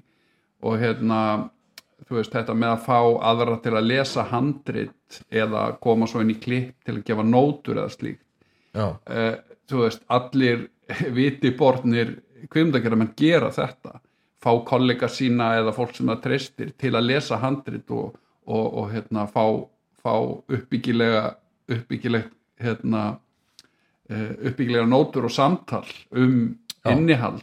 Já, já, og það gerir maður alltaf þú veist, hérna, maður fær fólk til að lesa og, og hérna, fleiri neitt og fleiri tvo, skilur til að svona, þú veist, bara svona for kanna hvernig, þú veist viðbröðin eru og hvort það sé einhverjar misfellur sem má laga eða eitthvað slíkt Já. eitthvað er óskýrt og annað og sami klippi en þetta hefur aldrei breyst uh, í íslenski kvikmyndagerða því ég maður þegar ég er svona stiga minn fyrstu skref þú veist, seint á síðustu öld eða um aldamótin síðustu já, að þá er aldrei stemmingin í, í bransanum sko, þú veist þú veist, hver fyrir sig? Eða þú veist, hérna einirkja a- allir heldur sínu aldrei nálagt sér og, og það var opaslega lítið samtal í gangi. Já, hrættur um að hugmyndinu sé stólið já, eða eitthvað bara fólk viðkvæmt eða Já, eitthvað svona fyrir gaggrín eða eitthvað svona sko. þannig að þetta hefur breyst mjög mikið. Ég menna, þú veist, okkar kynnslóð hefur sko hérna, lærði það að tala saman skilur, Já, veist, og, og við erum veist, ég er ekki að segja við séum ein, íslenski kvikmyndahöfundar sé ein stór hafum ekki sem fjölskyldendilega en við erum, veist, með fólk í okkar liði eða svona, til að, að hérna, hjálpa okkur að Já, gera betri verk. Og það er mjög heilb, það er miklu heilbriðara starfsumhverfi í dag heldur en hún var bara fyrir 20, já, já. 25 árum síðan. Ég veit, ég veit eins og því ég, þessir breski framlegandi sem ég að segja frá, veist, ég, ég man ég við, við það ekkert um að þá hugmynd sko að, að leifa einhverjum að lesa einhverjum á Íslandi, einhverjum vinni mínum eða eitthvað þannig, sko, það var bara skotið niður sko, Já. Þú veist, að þeir vildu bara veist, það var ekki þetta að leita eitthvað annað sko, Nei. en já, það er um, það er hérna, alveg rétti að það er svona meiri samstaða og, og svona uh, betri stemning og heldur en var kannski hérna í þegar maður var að byrja í þessu og, og hérna og það var líka bara eins og þarna fyrir 20-30 árum þegar maður var að byrja þá náttúrulega þótt eiginlega bara að þú varst bara ekki maður með mönnum nema og væri bara þú veist að fá þér, fá þér hérna, bjór eitthvað Já. bara bara fullur á, í tökunum skilur og, og hérna og, og, og svona var, var, var svolítið mikið svona a- alkoholismi bara almennt í, í, í, í bransunum og, og rígur og svona svolítið svona bara eins og þjóðvöldisöldinni sko, svolítið styrlinga öld bara í, í gangi og, og maður man alltaf eftir deilum bara einhver blaða blaðaskriðum í mokkanum og þú veist ás, ásmund, hérna, Ágúst Guðmundsson og Frikki eitthvað að, veist, að rífast í, í, í, í, í blöðunum og, og svona, já og, og þetta hefur svona aðeins kannski lagast sko, en, en, en það er samt alltaf svona, þú veist, og það er auðvitað alltaf, það er alltaf svo samkeppni og, já, já, svona, heil, eðlilega og það er svona það er svona samgeta milli manna skilur og, og það er eðlilegt og það er náttúrulega er verið að það er verið alltaf það, það er fáir sem komast að uh, hérna það er ekki, ekki allir sem fá, fá, fá brötagengi og styrki og svona sliðis og nei, þannig að það er, verður alltaf, alltaf eitthvað, eitthvað svoleiðis en ég held að þetta sé samt svona mun heilbriðra umhverfi kannski, kannski í dag sko. Uh, og svo er eitt líka sem að sem hefur breyst uh, frá því að ég var alltaf að gera minni fyrstu uh, hérna bíómynd þá man ég að þá voru bara svona fjögur til fimm fyrirtæki í bóði sem að voru að gera bíómyndir. Mm veist, þetta er skilur 2006 eða 7 mhm, uh, en í dag veginn það er svona miklu meiri fjölbreytni fyrst Já. mér sko. Já, það er miklu fleiri fyrirtæki og, og fleiri svona svona fyrirtæki eins og grímari með sem er svona, uh, svona indie eða svona lí, lítil, lítil fyrirtæki sem er kannski ein til tvær manneskur er að reyka og, og, og það, það svona var meira svona þessi stóru fyrirtæki svona Sagafilm og Pegasus og mm svona var meira svona uh, þannig sko. Þannig að fyrir þú veist eitthvað sem er að koma kvikmyndaskóli í dag sko þú veist þá, þá er miklu hérna þú hefur miklu meira valmöguleika á, því að finna samstarfsfólk sko.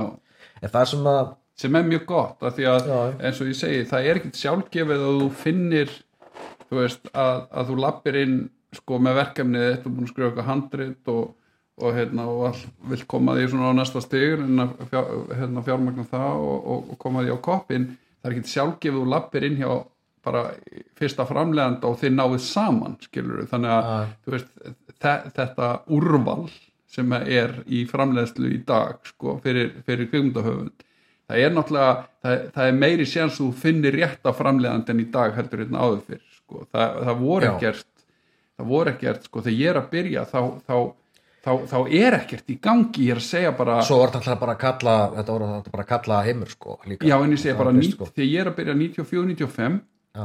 að þá stopnum við Zigzag, ég, Þórir Snær uh, Skúli Málkvist og Huldar Breiðfjörð, stopnum Zigzag í kringum sem sagt bíómynd sem ég ætlaði að gera sem Mhm. áttu að vera fyrsta myndi mín sem ég bara skrifaði þarna 93-4 bara, við erum bara ungir menn Mhm. með, með stóra drauma og við stopnum bara lítið fyrirtæki e, og það, sko, hva, það, það er engin úrræði, þú veist, það er engin að bara yfir höfuð að framlega bíómyndir á Íslandi, þú veist, þetta er bara eitthvað svona þetta er kveikmyndasamsteipan sem verður til hérna eftir e, daldið eftir börn náttúrunar sem er svona stóri aðilin í fæinu og framleiðir megnið af myndunum sem gerðar eru. Og svo er þetta bara, þú veist, svona einirkja business, það meina ég, þú veist, þetta var daldið bara svona leikstjórnir að framleiða sjálfur og eitthvað svona, þú veist, mm. -hmm. sagafinn var bara auðlýsingafyrirtæki eða svona sjómarsfyrirtæki eitthvað, skilur og það, það voru engin, það, sko, þú varðst að stopna þetta eigið fyrirtæki þú veist, á styrlungu að kvöngdagerðar á Íslandi. Já, já, já, já. en í dag þá eru fullt af framleiðendum og miklu meiri, þú veist, þú getur miklu minna óerhett líka bara hjá þessum aðilum skilur Já, bara, já. það er svona það, þetta er meira fólk er komið með svona realískari þú veist, kannski skinsamari nálgun við kvöngdagerðin já, já, já það, er, það er svona hefur margt breyst sko. En er gerir svo hérna, þið gerir svo hérna héraðið 2018-19 já, við það hefur nú verið auðvöldar að fjármagna það heldur en hrúta. Já, já, það var það, var það sko. Uh, uh, já, hérna ég svona fekk svona svona hugmynd sem að byggir á, á hérna, samskiptum hérna, kaupfélags skafferinga við bændur í Skagaferði mm -hmm. og upphafið þess að hafa verið að ég á frænda sem var að kenna hérna í, í, í mentaskólanum eða gagfæðaskólanum Mm og hann uh, bara svona fyrir 15 árum síðan sko, þá var hann að segja með sögur sko, svona úrskaða og þannig ég hef svona alltaf vitað að þessu að þannig hafi verið að spá gera heimildamind og uh, og ég fekk svona einhvern áhuga á, á þessu efni og, og var að pæli kannski að gera heimildamind uh, og ég fór, fór til Ég fór til Skagaferðar bara sömarið hérna eftir rúta, eftir að rúta var að kann, þá fór ég hérna í leðangur og, og talaði við fólk og, og svona komst svona fljótlega því að, að það var fólk að til í að hitta mig í kaffi en það var enginn til í að, að, að, sláta að taka viðtal við sig nei, sko. nei, þöggun Já, þökkun sko. Og hérna og líka svona, þetta er skemmtilegt að yfir þegar maður byrjaði að tala um kaufélagi við fólk og þá var svona samilegt með öllum að það eins og var einhver svona varnarmekanismi sko í gangi. Mm -hmm. að fólk fór svona strax einhvern veginn að tala upp kaufélagið og svona einhverju vörn. Já, en svo svona, já, eftir tvo bjóra skilur klukkutíma setna sko, þá fór maður að fá hérna, fá hérna eh, sannleikan sko, já, já. Og um, þannig að það var svona kannski kveikjana þeirri mynd og síðan hafði svona kynst svona kvennpersonum út á landi í svona litlum sveitarsamfélagum sem stang sem eru einbúar mm. og svona eru svona aðeins uh, útur uh, svona stinga þessi stúfi þetta, svona, þetta er svolítið karlægt samfélag. Já, til dæmis hún, hún, hún hérna heiða hérna uh, hei, heiða hérna fjall. Já. Já. Og já, ég fekk svona áhuga á því að já, gera myndum konu þú veist, sem að er í svona kallaði samfélagi og, og, og svona og, og uh, fléttaði þessu saman að hún gerir svona upprist gegn uh, kaufélaginu og svo er alltaf líka einhver svona pælingin að þetta sé rauninni bara Ísland í smækkari mynd og, veist, og, og allt það sko. Mm og, og svona, er eitthvað svona all, allegórisk svona hugmynd líka hana. Og um, já, það, það var það var náttúrulega miklu veldar að fjármagna hana og, og, og hérna og maður var með fleiri tökudaga það var þegar þægilega skilur ég aldrei með 30 35 tökudaga, ég var með 28 í hrútum. -hmm. og uh, Ardís hérna Rönne Eirstóttir leik hérna uh, Ingu. Mm og, og hérna við þorðum reyndar ekki að taka upp í skagafyrði hérna, við ákvæðum að hérna, taka upp hérna í Dalasíslu Var það ótt af við hriðjuverk? já það var svona það, það var bæði svona út, þetta er alltaf ódýrið að taka sem, sem, næst Reykjavík. Jú, en það, það spilaði líka inn í að við vildum, vildum ekki þú veist, þú veist, það er kannski svona óþægilegt að, að fara að spyrjast út hvað handverði væri um og svona að fólk væri því að það er náttúrulega alveg held ég, þú veist yfir, yfir helmingurinn af fólkinu í skafinu með náttúrulega kaufélags, stiðu kaufélagið mhm, svona 60-40 kannski. Um, já og, og það bara já, það, það var bara mjög gjöfald samstarf sem ég átti við Artísi og, og svona og, og ég hef alltaf lagt svolítið upp með það með aðleikarana að, um, að ég er svona að kynnast þeim svolítið. Já, og ég hef til dæmis, þú veist, gaman að segja frá því ég hef til dæmis alltaf gefið hérna aðleikurunum jólagjafir en þá gefið þeim kannski einhverja bók sem að tengist á efninu eða þannig, sko, eitthvað sem að þau eiga að lesa sko, en ég gaf hérna uh, Sigga og Tedda, ég gaf þeim hérna bókum hérna um, uh, um konu fyrir austan, ég man ekki hún heitir sem að faldi rollur í kjallaranum hjá sér sko. og ég gaf hérna, í, hérna Artísi bókinum heiði fjalltalabóta og ég hef lagt þetta upp með að, að svona kynnast leikurunum uh, hitta á í kaffi og svona svona mynda svona einhver kynni. Og svo hef ég í þessum báðu myndum þá hafa verið svona það var svona praktískar æfingar þar sem að leikararnir fara í sveitina og, og bæði svona bara prófa að búa í sveitinni í einhverja daga. Bara lifa þarna og andast í loftinu og svona, þú veist, skilur þetta tilfinningalega skilur, svona tengingin. Mhm, en líka bara, þú veist, að læra að moka skít og gera traktor og, og þukla hrútum og, og svoleiðis. Og ég notaðist við þetta þarna í, í bæði hrútum og héræðinu og, og ég svona var í sveiti, ég var krakki og eh, svona eh, svona, var markmið báðum þessum myndum að fólk myndi bara kaupa leikarana sem þetta væri bændur og, og þetta fær maður þá spurningu oft þegar maður er í Q&A og hátíðum að þá er fólk að spyrja hvort þetta séu leikarar eða veist, séu bændur. Já. Þetta er mjög mikilvægt eh, þú veist, með undirbúning á leikurum tvent sem hún nefnir, þú veist, annars vegar að mynda þú veist, uh, traust og, og, og, og samband við leikaran, þú veist uh, þú ert að fara að eyða miklum tíma með viðkomandi, þú ert að búa þú veist, þið eru með eitthvað sameilegt markmið, það skapa einhver- einhverja personu og segja einhverja sögu. Þannig að það er mjög mikilvægt að, að sko öll tjáskipti, það sé búið að, að hérna, leggja jarðvegin fyrir öll tjáskipti skilur við, þú veist, en þú þarft að þekkja leikana þinn, þú þarft að vera búin að kynnast honum eða henni uh, svona, þú veist uh, svona í grunnatunum, bara átt að sé á hver er manneskjan, skilur við, þú veist fyrir hvað brennur hún, þú veist, hvað er hvað er sko, hérna hvað er sameili flöturinn í verkefninu. Já, já, og líka bara hvort að viðkomandi séð uh, eitthvað viðkvæmur eða svona eitthvað svona sem að þú veist er alltaf persónlegar já, og það er bara að búa undir það að, að hérna, þú veist, þurfa þá að hérna út að tækla þessa hluti náttúrulega bara þá á setti og það, það, það er náttúrulega leikstjónum ber ábyrð á öllum sem deildum og öllu, öllu og, og það lendir alltaf honum ef eitthvað fyrir úrskiðis og uh, og hérna og já og, og, og svo sett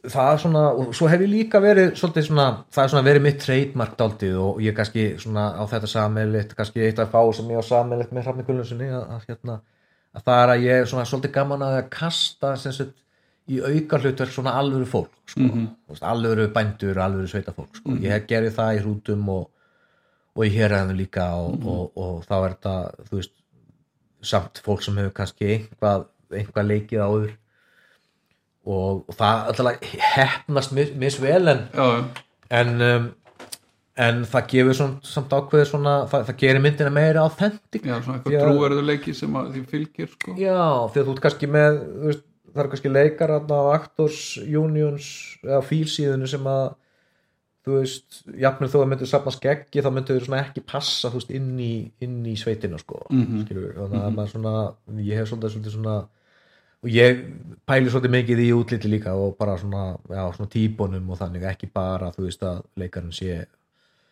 mark velunaður eða þú veist þessi hérna hendi bara í en hlutur auðvitað þarf, þarf leikarinn sérstaklega aðleikarinn þurfa þurfa góðir og, og, og hérna það er eitt sem að ég hef dálítið verið að dönda mér við sko. Um, og já leikarinn þarf líka að hafa eins og þú segir sko, þú veist, ef að ef að eh, personan er með einhverja sérþekkingu á einhverju ákveðnu ákveðnum hlut eða starfi eða Já, eitthvað slíkt, þá þarf náttúrulega leikarinn að, að undibúa sig uh, út frá því og, og hérna, já, þú veist, ég man eins og til dæmis því ég gerði Málmhaus sem að gerist á Kúabúi og þar, þar fór sko, hún Þorbjörg Helga sem leika aðluturki, hún fór vestur á fyrði og dvaldi á Kúabúi í viku mitt að læra að mjólka og, og gera, þú veist, læra þá hluti. Þú veist, að, að, þú veist bara að, að hérna svona samlagast í umhverju sem að, sem að við komum þetta á að fara að leika sko. það er náttúrulega mjög mikilvægt. Já, já, algjörlega. Og ég hef líka svona ég lærði þarna í Sumalandinu þá var um, þá var einn aukaleikari sem kom bara í eina senu og hann var alveg óæfður. Já, og hann, það var ekki við hann að sakast það hafði leikari bara dottið út hann hafði bara stokkið inn í. Mm og ég hafði ekkert hitt hann, hafði ekkert ringt í viðkomandi sko, ekkert rætt um karakterinn skilur nei, og það var alveg, alveg ekki góð reynsla hann, það var bara sena sem að var hérna, bara ekki góð veist, og reyndum að klippa hann til og, um, og ég er svona eftir þetta þá hef ég svona haft það svona reglu að, að æfa alla senur sko í handritinu. já, uh, það sem er svona veist, allavega einhver díalogur eða þannig. Og þá hef ég, ég kallað inn þá, veist, þó að sé kannski bara einhver, einhver bankastarsmaður eða einhver samt með nokkra línur þá hef ég tekið allan að hálftíma skilur og rent yfir þetta og Já. svona aðeins þreifað á senunni sko. Já, ég hef svona haft það, haft það sem reglu og og, uh, og svo eitt annað sem er svona mjög gott að gera að það er svona kannski eins og nokkur viku fyrir tökur eða þannig uh, að þá er ég með svona eins og foræfingu þar sem að þar sem að með aðaleikaranum þar sem að við erum svona að reyna svona þreyfa þess á karakternum bara Mhm. þess að renni getnum senuar og, og svona reyna svona að þreyfa svona þess á hvernig uh, hvernig karakterinu á að vera skilur hvernig, þú veist eins og þú veist, Siggi Sigurjón sem leik hérna kaupfélagstjóran í, í hérna að héræðinu, Mhm. þú veist, þá er hann að leika svona, hann er að leika svona antagonistan í myndinni og,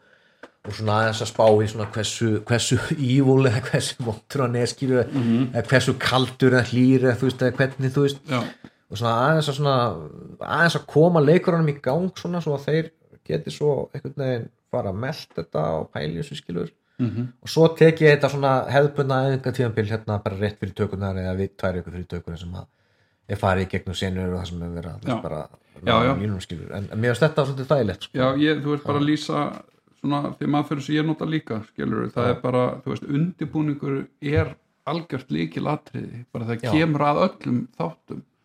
Uh, þú þarft að undibúa sem leikstjóri það náttúrulega er inn, þú veist, fellur undir starfsviðið að, að undibúa að vinna með leikurum áður en tökur hefjast. Já, uh, þú þarft að vera búin að, að þú veist, funda og undibúa með öllum sem við kallum listarinn stjórnendum hvort sem að það sé leikmyndahönnurinn eða búningahönnurinn eða, eða gerfahönnurinn eða tónskáldið eða hvað sem er. Þú þarft að undibúa allar þessar hluti vel skilur þú veist áður en að kemur að upptökum.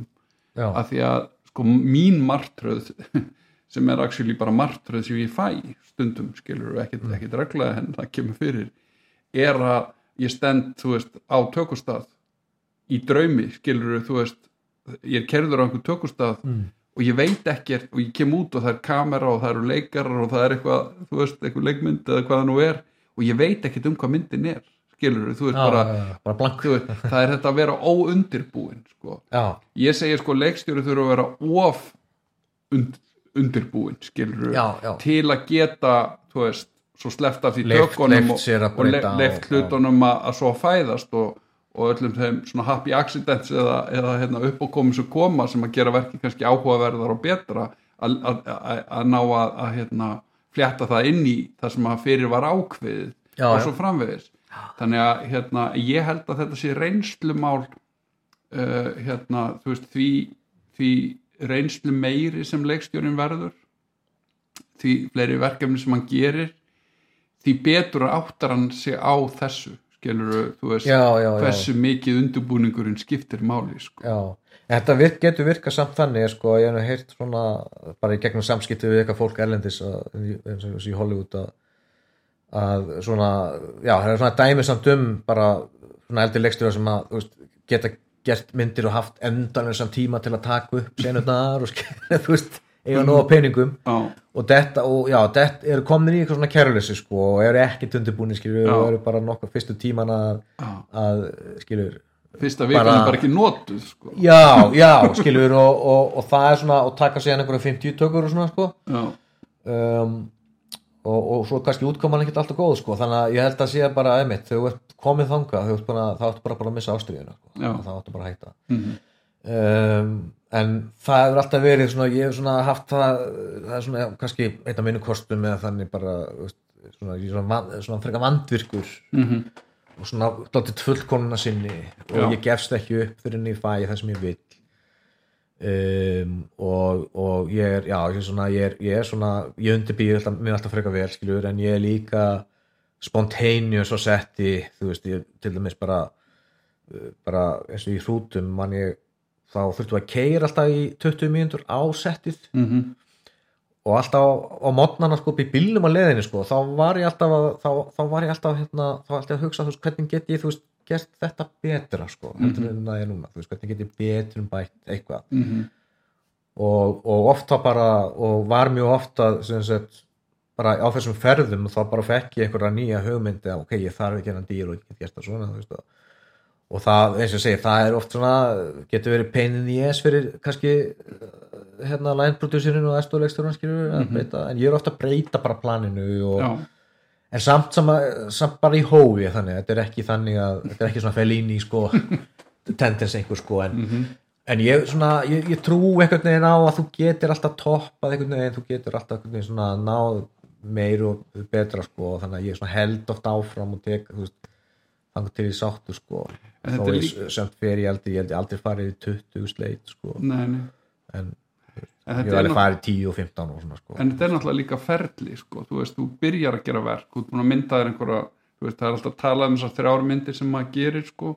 það er handritið sem hún skrifar já, og svo er það tökurnar skilur það er önnu mynd þú veist, það er sama sagan kannski en það er önnu mynd sko, það er komið í annað form og svo gerir þú loka útgáfuna í eftirvinslinni skilur klipp og hljóðu og svona. Já. Veist, þá formar og hendur út og lagar og endur aðar og hvernig sem það nú er sko. þannig að þetta er allt ferðalag. Þannig að þú veist, þú ert kannski búin að mynda þér ákveðnar þú, ekki kannski, þú ert búin að mynda þér ákveðnar skoðunar á hvernig uh, þú ætlar að gera handritið eða sem sagt hvernig þú ætlar að framkvæma tökurnar út frá handriti. En svo þegar þú byrjar að gera það skilur þá, þá ert allt í einu komið með fullt af sko óvissu þáttum eða sko lifandi hlutum sem er fólk sem eru leikarar og, og, og samstarfsfólk sem að koma með hugmyndir eða þú sérð eitthvað sem að þú hafðir ekki komið auðvitað áður þannig að á hverjum degi lærir eitthvað nýtt já, já. þannig að þá er mjög eðlegt sko á þessum 20 myndna akstri á 15. tökudegi Mm. þá ertu komið fullt af nýjum upplýsingum skilur og þú getur Já, já. þú maður verður að vera, li, maður verður að vera með skinnfærin opinn allan tíma Já. maður verður að, að geta breytt maður verður að hafa rými til að til að hugsa, ah, þetta væri betra svona, skilur já. enda þú veist held ég að leikstjóri sem fylgir handriti sko 100% A til Ö hverju einasta orði af díalóg og svona sé pínu í vandræðum sko. já, já, já, það er, það er þannig að það er, og svo alltaf mjög ofta þú veist mjög oft er að þannig bara einhver díalógur bara er ekki eðlilegur og virkar ekkert neinn ekki og þú veist, ég reyni það er eitt af mínu mottóum að ég reyni alltaf að kotta díalógin eins mikið niður. Ég náttúrulega gera það í handelsferlinu en ég gera líka æfingunum og líka settinu og í klippu mm það er svona eitthvað sem ég geri og og uh, kona mín segir að ég sé mjög af ómeðvirkustu mönnu sem hún þekkir. Mhm. Og það er svona, já, ég er það- svona taldið, ég er svona, ég, ég er óhrættur alveg við að, þú veist, uh, henda breyta og þú veist, og segja hvað mér finnst. Og, og ég, þú veist og í klippuherbygginu ég svona oft tekið mjög róttakar um, já, í sumum verkefnum hef ég tekið mjög róttakar stefnur og breyt og dýfur hérna í klippuherbygginu sem að mm -hmm. veist, hefur valdið miklu fjarafóki í verkefnunum. Mm -hmm. uh, þú veist kannski hver að tala og, og hérna já, og þú veist, svona alveg þú veist, hika ekkit við það sko að, að hérna að, að, að þetta er bara eitthvað einstygt sem að, sem að ég fylgi og, og svona eitthvað sem að ég veist, tel vera rétt og, og rétt að leiðinu og svo þessu mm -hmm. þannig að eins og ég segi þetta er þetta er svona eins og margir segja að þú lærir ekki, þú getur ekki lært í skóla að vera, þú veist gerur góðlegstur eða þannig, þú veist, þetta er þetta er líka eitthvað svona þannig þetta er eitthvað svona þú veist sem uh, sem að, já eitthvað svona bækurnar kennarun ekki sko. nei, nei, þetta og ég er ekki svona ég er ekki mikill uh, skólamaður eða, eða svona, ég er meir, meir þess að ekkert svona ég er ekkert movie buff endilega, ég er ekki maður sem að þú veist til dæmis sem sé sko, ég, ég sé alveg slatta sko, ég er bara svona medium þar sko, mm -hmm. ég er ekkert svona gæðin sem að þú veist bara sjá allt sko Mhm. skilur. Ég er svona svolítið svona svolítið svona þú já ég er svona pínu dúer sko, svona sveita Mhm. sveita maður, Þú ert sveitamaður. sveitamaður já. heldur þú hefður orðið bóndi ef þú hefur ekki orðið Nei, nei, ég var- krimdalegstjóri eða værið í frambóði fyrir framsvonarflokkin í sveitastöndakostningum núna það gæti verið, ef ég hef ekki farið í MH þá gæti verið að ég hefði nei, sennilega ekki sko ég er náttúrulega alveg upp í kópáinum þannig að ég er náttúrulega borgarbarn í grunninn. Mm uh, svo var ég bara í sveit þegar ég var krakki en ég manna samt, þú veist, þegar ég var að vinna í sveit að ég var til dæmis ekkert góður eitthvað, ég var ekkert besti starfsmæður í heimi sko, nei, ég var ekkert það voru margir betur en ég að kera traktor og ég man ég átti að með að setja, þú veist, mjöltatækin á spenana og já, þú veist, ég hef svona smá svona sveimhugi alltaf og svona, ég var alveg svona borgar, með þannig að ég hef alltaf verið svona maður hugans ég hef alltaf verið svona það var alltaf leiði við mig að, að skapa eitthvað þú veist, með, þú veist, ég hef ekki verið svona ég er ekki mjög praktískur þannig sko. en, þannig að, þannig að en, en, en svo náttúrulega nýtti ég með þetta innsæi og reynslu sem ég hafði úr sveitinni fyrir þessar myndir og mér fannst, ég fann einhverja köllun líka sko eins og með hrúta að, að gera svona raunsa sveitamynd sem að síndi einhvern veginn sveitalífið ekki í, í neikvæðu ljósi eða þannig eins og var oft gert eins og áður. Mm og svona og, og síndi svona sveitalífið eins og það er og, og hérna og, og, og, og mynd sem að sýnir sveitalífinu og sem karakterum og fólkinu sem býr þarna finna virðingu. Já, og þannig að þetta verður að gera grín og það er svona húmor en húmorinn fælst bara í hvernig fólki er en ekki svona þú veist, skilur. Og uh, til dæmis að þetta er gaman að það í umræðinu svona verður að tala stundum um svona lópapísumyndir og svona landsbyðamyndir og svona og ég er náttúrulega sjálfsög þú veist, jú, ég er náttúrulega þú veist, lít á að ég sé þá vantilega flokkist undir það svona mm lópapísumyndir og svona sko. En það er svolítið svona hvað mann að segja frá því að sko í, í hrútum að það er alltaf að slatta lópapissum í hrútum en það var allt byggt á rannsóttaminu mm að við, við, ég fór á, á hérna hrútasýning á ströndum það sem að voru bara sögfjabændur þú veist, og ég tók upp þessa hrútasýningu. Og búningahönnurinn Margrét Einarsdóttir og leikmyndahönnurinn Bjarni Massi þú veist, við notum þetta bara sem referens fyrir mm búninga og svona útlit sko. Og það var bara það var bara yfir, yfir helmingurinn af fólkinu það er bara í lópapessum, bara börn og gammamenni og mm -hmm. bara lópin var bara var bara mjög, mjög mikið sko. lópin þannig, að, þannig að það var bara þannig að þú veist, hrútar endur spekla sko, hérna það er, ekki, það er alls ekkert verið að, veist, reyna að þú veist, setja meiri lópapessu heldur en það er sko, þannig nei, sko nei, nei. um, en svo náttúrulega líka eh, svo náttúrulega er þetta líka svo skrítið þú veist, til dæmis já þú veist það var bara eitthvað dómur um Bertrimi sem að byrjar á því um, sko, að svona eitthvað svona, voða svona eitthvað svona og frísklegt að fá sko mynd sem gerist í Reykjavík eitthvað neginn ekki út á landi eitthvað svona. Já, og það er, þetta er svona skrítið, þetta er svona sér íslenskt umræð, ég hef aldrei tekið eftir neittni svona umræðu erlendi sko út af því að þú veist, þú veist hver mynd sko, sama, þú veist það skiptir ekki máli hvað hún gerist, það er svo sagan og það eru skilur, það eru konfliktarnir og umfyllunarefnið þú veist, þú getur, þú getur gert, þú veist góða sveitamynd, þú getur lélega sveitamynd þú, þú getur gert, þú veist góða mynd í Reykjavík, þú getur gert lélega mynd eða skilur þetta, þú veist það, það er það sem að skipti máli, sko. Það er alveg merkilegt með þessa umröða oft uh, og uh, hérna mér þykir sko leðilegri umræða, þú veist, bara kvikmynda gaggrinni á Íslandi er náttúrulega, hefur aldrei verið á mjög háu plani. Nei. Eh, þú veist, það hefur aldrei verið þú veist, eitthvað svona veist, eitthvað svona hefð fyrir því. Þetta hefur verið svona, því að þetta kvikmyndagerð var náttúrulega svona, þáttið svona incidental að svona komið ein og ein íslensk kvikmynd og eitthvað, það var aldrei eitthvað svona þú veist, eh, eitthvað svona kultúr fyrir því að á öllum fjölmjölum væri kvikmyndagagrindi sem að þú veist, væri það þó þetta, ég er ekkert að gera lítið úr öllum það hafa komið mjög góðir gagrindur, Mér finnst þetta að hafa breyst rundar, sko. Þetta hefur breyst Já, já, og svona aðeins komið eitthvað, eitthvað stemming en, en svona yfirlýsingar eins og sko þú veist, frískandi að komi Reykjavíkumynd eftir allar lópapessu sveitamyndirnar. Þetta, er svo þetta er svo banalt komment sko að því að ef þú, ef þú sko ef þú myndir bara taka statistík skilur og skoða bara íslenskar kvikmyndir þú veist, síðustu tíu árin. Að- Jú, jú, það er ein og ein sveitamynd þar sem að personur í lopapeysu en get lofa er það er innan við 10% af þeim myndum sem gerðar voru. Skilur Já, hvað ég meina? Já, já. það er fólk sko svona alhæfur um eitthvað eins og það, það er bara komið ykkur bylgi af lopapeysu sveitamyndum skilur, jú þær eru nokkrar en í hlutfalli eru það kannski 10% sko.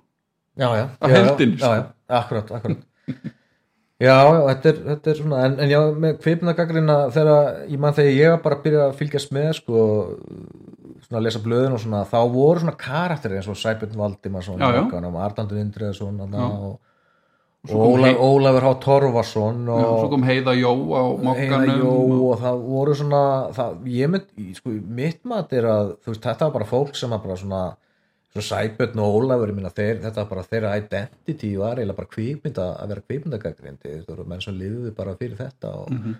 voru bara í þessu og, og hérna og svona höfðu svona dedication og svona ástriðu sko. Og nú hefur maður tilfinningunni að þetta sé bara algjört auka þegar hafði blöðum og ég held að þetta sé bara ofta bara, herru, er íslensk mynd hérna, er einhver hérna inni á reitstjóð sem nennir að fara og gefa dóm skilur þú veist?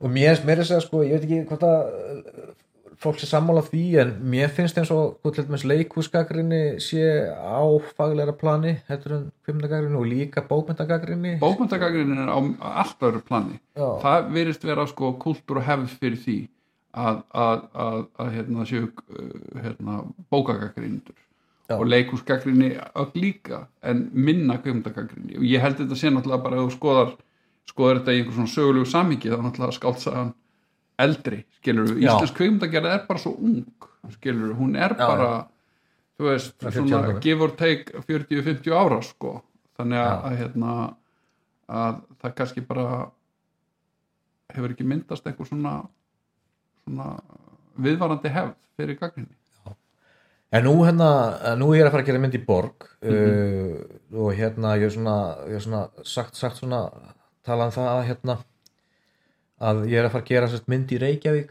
en þegar að Reykjavík var þorp sko, þess Já. að er periódumynd uh, og, og svona heitir Blessa stríðið og, og, og er svona kynnslóa saga Mhm. uh, sem að gerist á löngum tíma byrjar í setni heimströðinni og, Mhm. og gerist að hluta til á, á, á sjötta áratugnum og, og í nútímanum Mhm. og er svona stort verkefni sem að ég er að þróa með grímari og ég hef svona aðeins um, verið svona þegar ég hef svona hingað til verið svona fyrst var ég svona voða fókuseraðar á að gera stuttmyndir, gerði nokkra stuttmyndir og, og, og já, heimildamindir uh, og svo hef ég svona verið svona feature maður og, svona alltaf verið með svona svolítið eitt verkefni í einu eins og ég Mhm. talaði um áðan Mhm. en ég er svona núna ég er svona aðeins með ég veit kannski, er þetta líka aldurinn eða þannig að, að maður er svona maður er svona minna upptökin að svona einhvern kvímyndaháttíðum og svona, þú veist, Mhm. svona kannski aðeins búin svona búin að svona, það er allan ekki spennandi sko, veist, þetta er heiður að komast að já, þetta er ekki spennandi að val nei.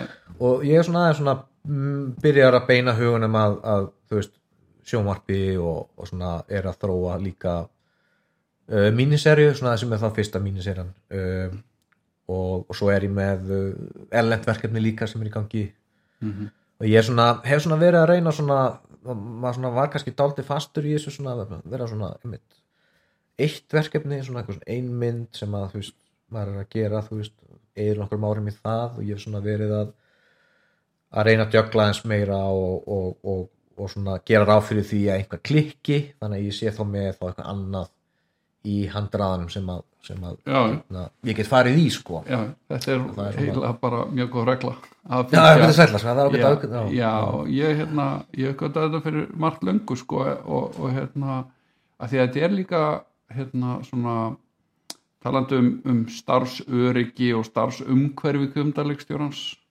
að þá er þetta náttúrulega sko, við erum náttúrulega að taka þú veist, þú tekur svo mikla áhættu með hverju verkefni fyrir sig þú eyðir kannski, eins og þú segir þú veist, það tók því þrjú ár að skrifa hrúta. Uh, svo er hún gerð fyrir lítið fjö og það er að leggja undir og, og allt þetta en, en svo uppskerðu á endanum.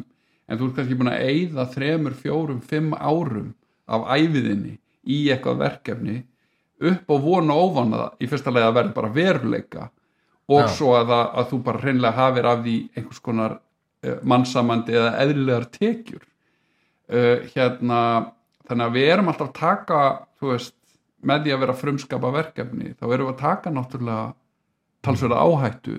Já. og ef þú ert bara með ef þú ert með sko öll ekkin í einni körfu, ef þú segir eins og svo og ætli bara, þú bara fixir að gera eitthvað eitt og eyðir í það mörgum árum skilur að skrifa handrit, reyna að koma því á koppin finna framleiðanda, þú veist og fjármagna og gera. Ef það klikkar, ef eitthvað kemur upp á og það verkefni verður ekki að veruleika sem að verður er oft meðverkefni, ég menna það eru Já, já, já. það er verið ekki öll verkefni að veruleika. tekst ekki að fjármagna það líka? Nei, það er alls konar, alls konar faktorar. Að þá, þá er svo þá er náttúrulega er alveg hræðilegt að sitja upp ekki með, með neitt annað. Þannig að ég til dæmis sko er alltaf með svona tvö til þrjú verkefni í, þú veist ekki öll á sama stað en í einhverju svona ferli að minnstakost já, já. Að þetta er, þetta er langklöp sko. þetta er, maður þarf að hafa þólinmæði og, og hérna svona þú veist, ná að þreja þorranin á milli, þannig að sko að hérna, við erum náttúrulega í starfi sem að er afskaplega svona uh, fallvalt. sko, fallvalt og ótryggt skilur og, og það var könnun sko meðal euróska kvikmdalegstjóra gerð núna bara í, í fyrra um svona starfsöryggi og starfsumhverfi og svona. Og sko það voru ívignefandi sko það var ekki nema helmingurinn sem gætt lifað af þessu þú veist. Það voru, þú veist uh, það voru alls konar svona neikvæðar tölur skilur svona fjárhagslega og starfsöryggislega og hvaða nú var sko. Já, já, en svo voru sko 90 87% eða eitthvað allan ekki stára bíluna 80-90% sem sögðu að þeir myndi ekki vilja skipta um starfsvettung skilur við nei, nei, þannig að þetta er náttúrulega að einhver leiti bara hugssjón og, og sko í rauninni þörf að segja sögur, að Já, skapa já. eitthvað skilur við já, já, og, og þú lætur hérna þú lætur svona hinn praktísku element yfir því ganga skilur við, þreigir þorra, þorran uh, hérna lifir sparlega uh, ert skinsamur í fjármálum hvaða nú er, til að veist, Þetta verður svolítið svona hluti á, á manns bara sjálfsmynd sko, og, svona, og hérna, við, við, við, erum báður held ég örgulega þannig að þú veist eins og ef, við kæmi eitthvað fyrir okkur þú veist, við myndum uh, einhverju fengi á okkur sjúkdóm eða eitthvað skilur, gætum ekki gert kvikmyndir skilur eða, eða rafsegls hérna ofnæmi eða getum ekki hort að skjáið eitthvað slúið Mhm. að þá mynda ég bara þetta myndi, er þið bara svaka áfall fyrir mig sko, ég, ég veit ekki neitt annað sem að ég geti hugsað mér að gera þú veist, uh, mögulega svona, jú, geti hugsað mér að skrifa sko, skrifa bók sko. Mm Eða svona, það er kannski eina sem að ég geti hugsað mér að gera annað, sko. en svona myndur þú tellja þig pólitískan kvimtahöfund Já, ég myndi ég myndi segja það já. Ég, ég svona ég, þess að ég segi, ég hef svona mína skoðanir og, og hef alltaf bara frá því mentaskóla verið pólitískur og, og í öllum mínu verkum eða svona lang flestum uh, jó, í rauninu öllum mínu verkum sko er einhvers konar það er einhver svona einhver ádeila eða einhver, einhver eitthvað subject, svona social subject sem að ég er að taka fyrir þannig. Ég við getum orðað það þannig að ég myndi ekki fara stað til dæmis að gera mynd uh, ef að sagan hefur ekki neyn svona þannig skýrskotun eða skilabóð sko, ef að veist, ég myndi ekki, ekki nenn að svo á tíma minni mér að gera eitthvað sem að til dæmis bara pjúra léttmyndi, skilur. Uh, það þarf að vera einhvað þá, uh, þá þyrst að vera í allavega einhvers konar uh, einhver nýr vingill eitthvað frumlegt eða eitthvað svona sem var í spennandi svona cinematíst eða visual eða þannig eða, eða, einhver, eða einhver svona politík sko. Mhm, það þarf að svona frista manns einhvern veginn þessar hugmyndir þurfa að frista manns einhvern veginn svona visuali þurfa svona að vera svona aðkallandi eða svona mhm, skapa einhverja löngun svona sem uh, svona, sem svona visual storyteller eða þannig sko. Já, það þarf að vera eitthvað þannig element í, í hugmyndinni. Mhm, og það þarf að vera einhver fyrir mig allan einhver skilabóð þú veist og einhvað svona eitthvað, það var, vera, eitthvað svona málefni sem er að taka fyrir skilur mhm, og svo þarf þetta svona að vera personurnar þurfa að vera uh, einhvern veginn, kveiki einhvern áhuga á því að fjallum skilur, mm Mhm. persónulefili mhm, og ég hef svolítið verið að blanda saman hérna þú veist þessum svona það er alltaf þessi persónulega saga þú veist, saga karakterana og Mhm. svo er svona samfélagið í kring sko. já, þetta þarf einhvern veginn að, að fitta saman svo eru myndirnar það er mist pólitískar eins og við með skeraði þú veist pólitískar en hrútar uh, hrútar er samtalið með það er svona samfélags uh, sterk svona uh, sterk, skilabúðinni sko og það er atna, það er náttúrulega þetta samfélag sem er að kljást þarna við svona utan að koma til ógn og þú veist, þessi veiki og, og svo er þetta svona þú veist þessi bræður eru náttúrulega veist, einhvers konar uh, me- metafor fyrir þú veist gamla gamla bændasamfélagið í nútímanum og svona stöðu þess og svona, skilur, það er alls konar svona áhugaverða pælingar en það er ekki beint svona það er ekki svona eins svona er ekki svona eins augljós pólitík í henni en það er svona miklu augljósari pólitík í eins og þessum heimildamyndum eins og litlu Moskvu og, og, og, og kvelli og, og hér aðeinu sko og hér aðeinu svona kannski pólitískasta myndin sko. Mhm. En getur ég menna, þú veist þetta er náttúrulega stór spurning, ég er ekki að ætlast kannski til að fá ígrundað eða definite svar við því, en, en sko þú veist, af hverju segir sögur? Ertu að reyna að bæta samfélagið þitt eða ertu að gera það fyrir þitt eigið ego eða þú veist, ertu að reyna að hafa áhrif á á samfélag manna eða ertu að reyna að leiðrétta óréttlæti eða bæta heiminn á einhverju leiti á hverju segir já. sögur? Já, já, ég held að það sé það er alveg mjög stert held í mér sko. Það er svona, einmitt, að breyta samfélag þó mér er kannski kannski þegar maður var yngri og svona þá var maður, þú veist, kannski að reyna að breyta heiminum eða þannig. Þú veist, uh, maður er kannski ekki því en maður er svona eins og eins og til dæmis uh, um, í, til dæmis í, í rútum uh, ef við tökum það, þá var kveikjan var í rauninni, þú veist, áhrif riðu á hlöfrabændur mm veist, og þetta áfall.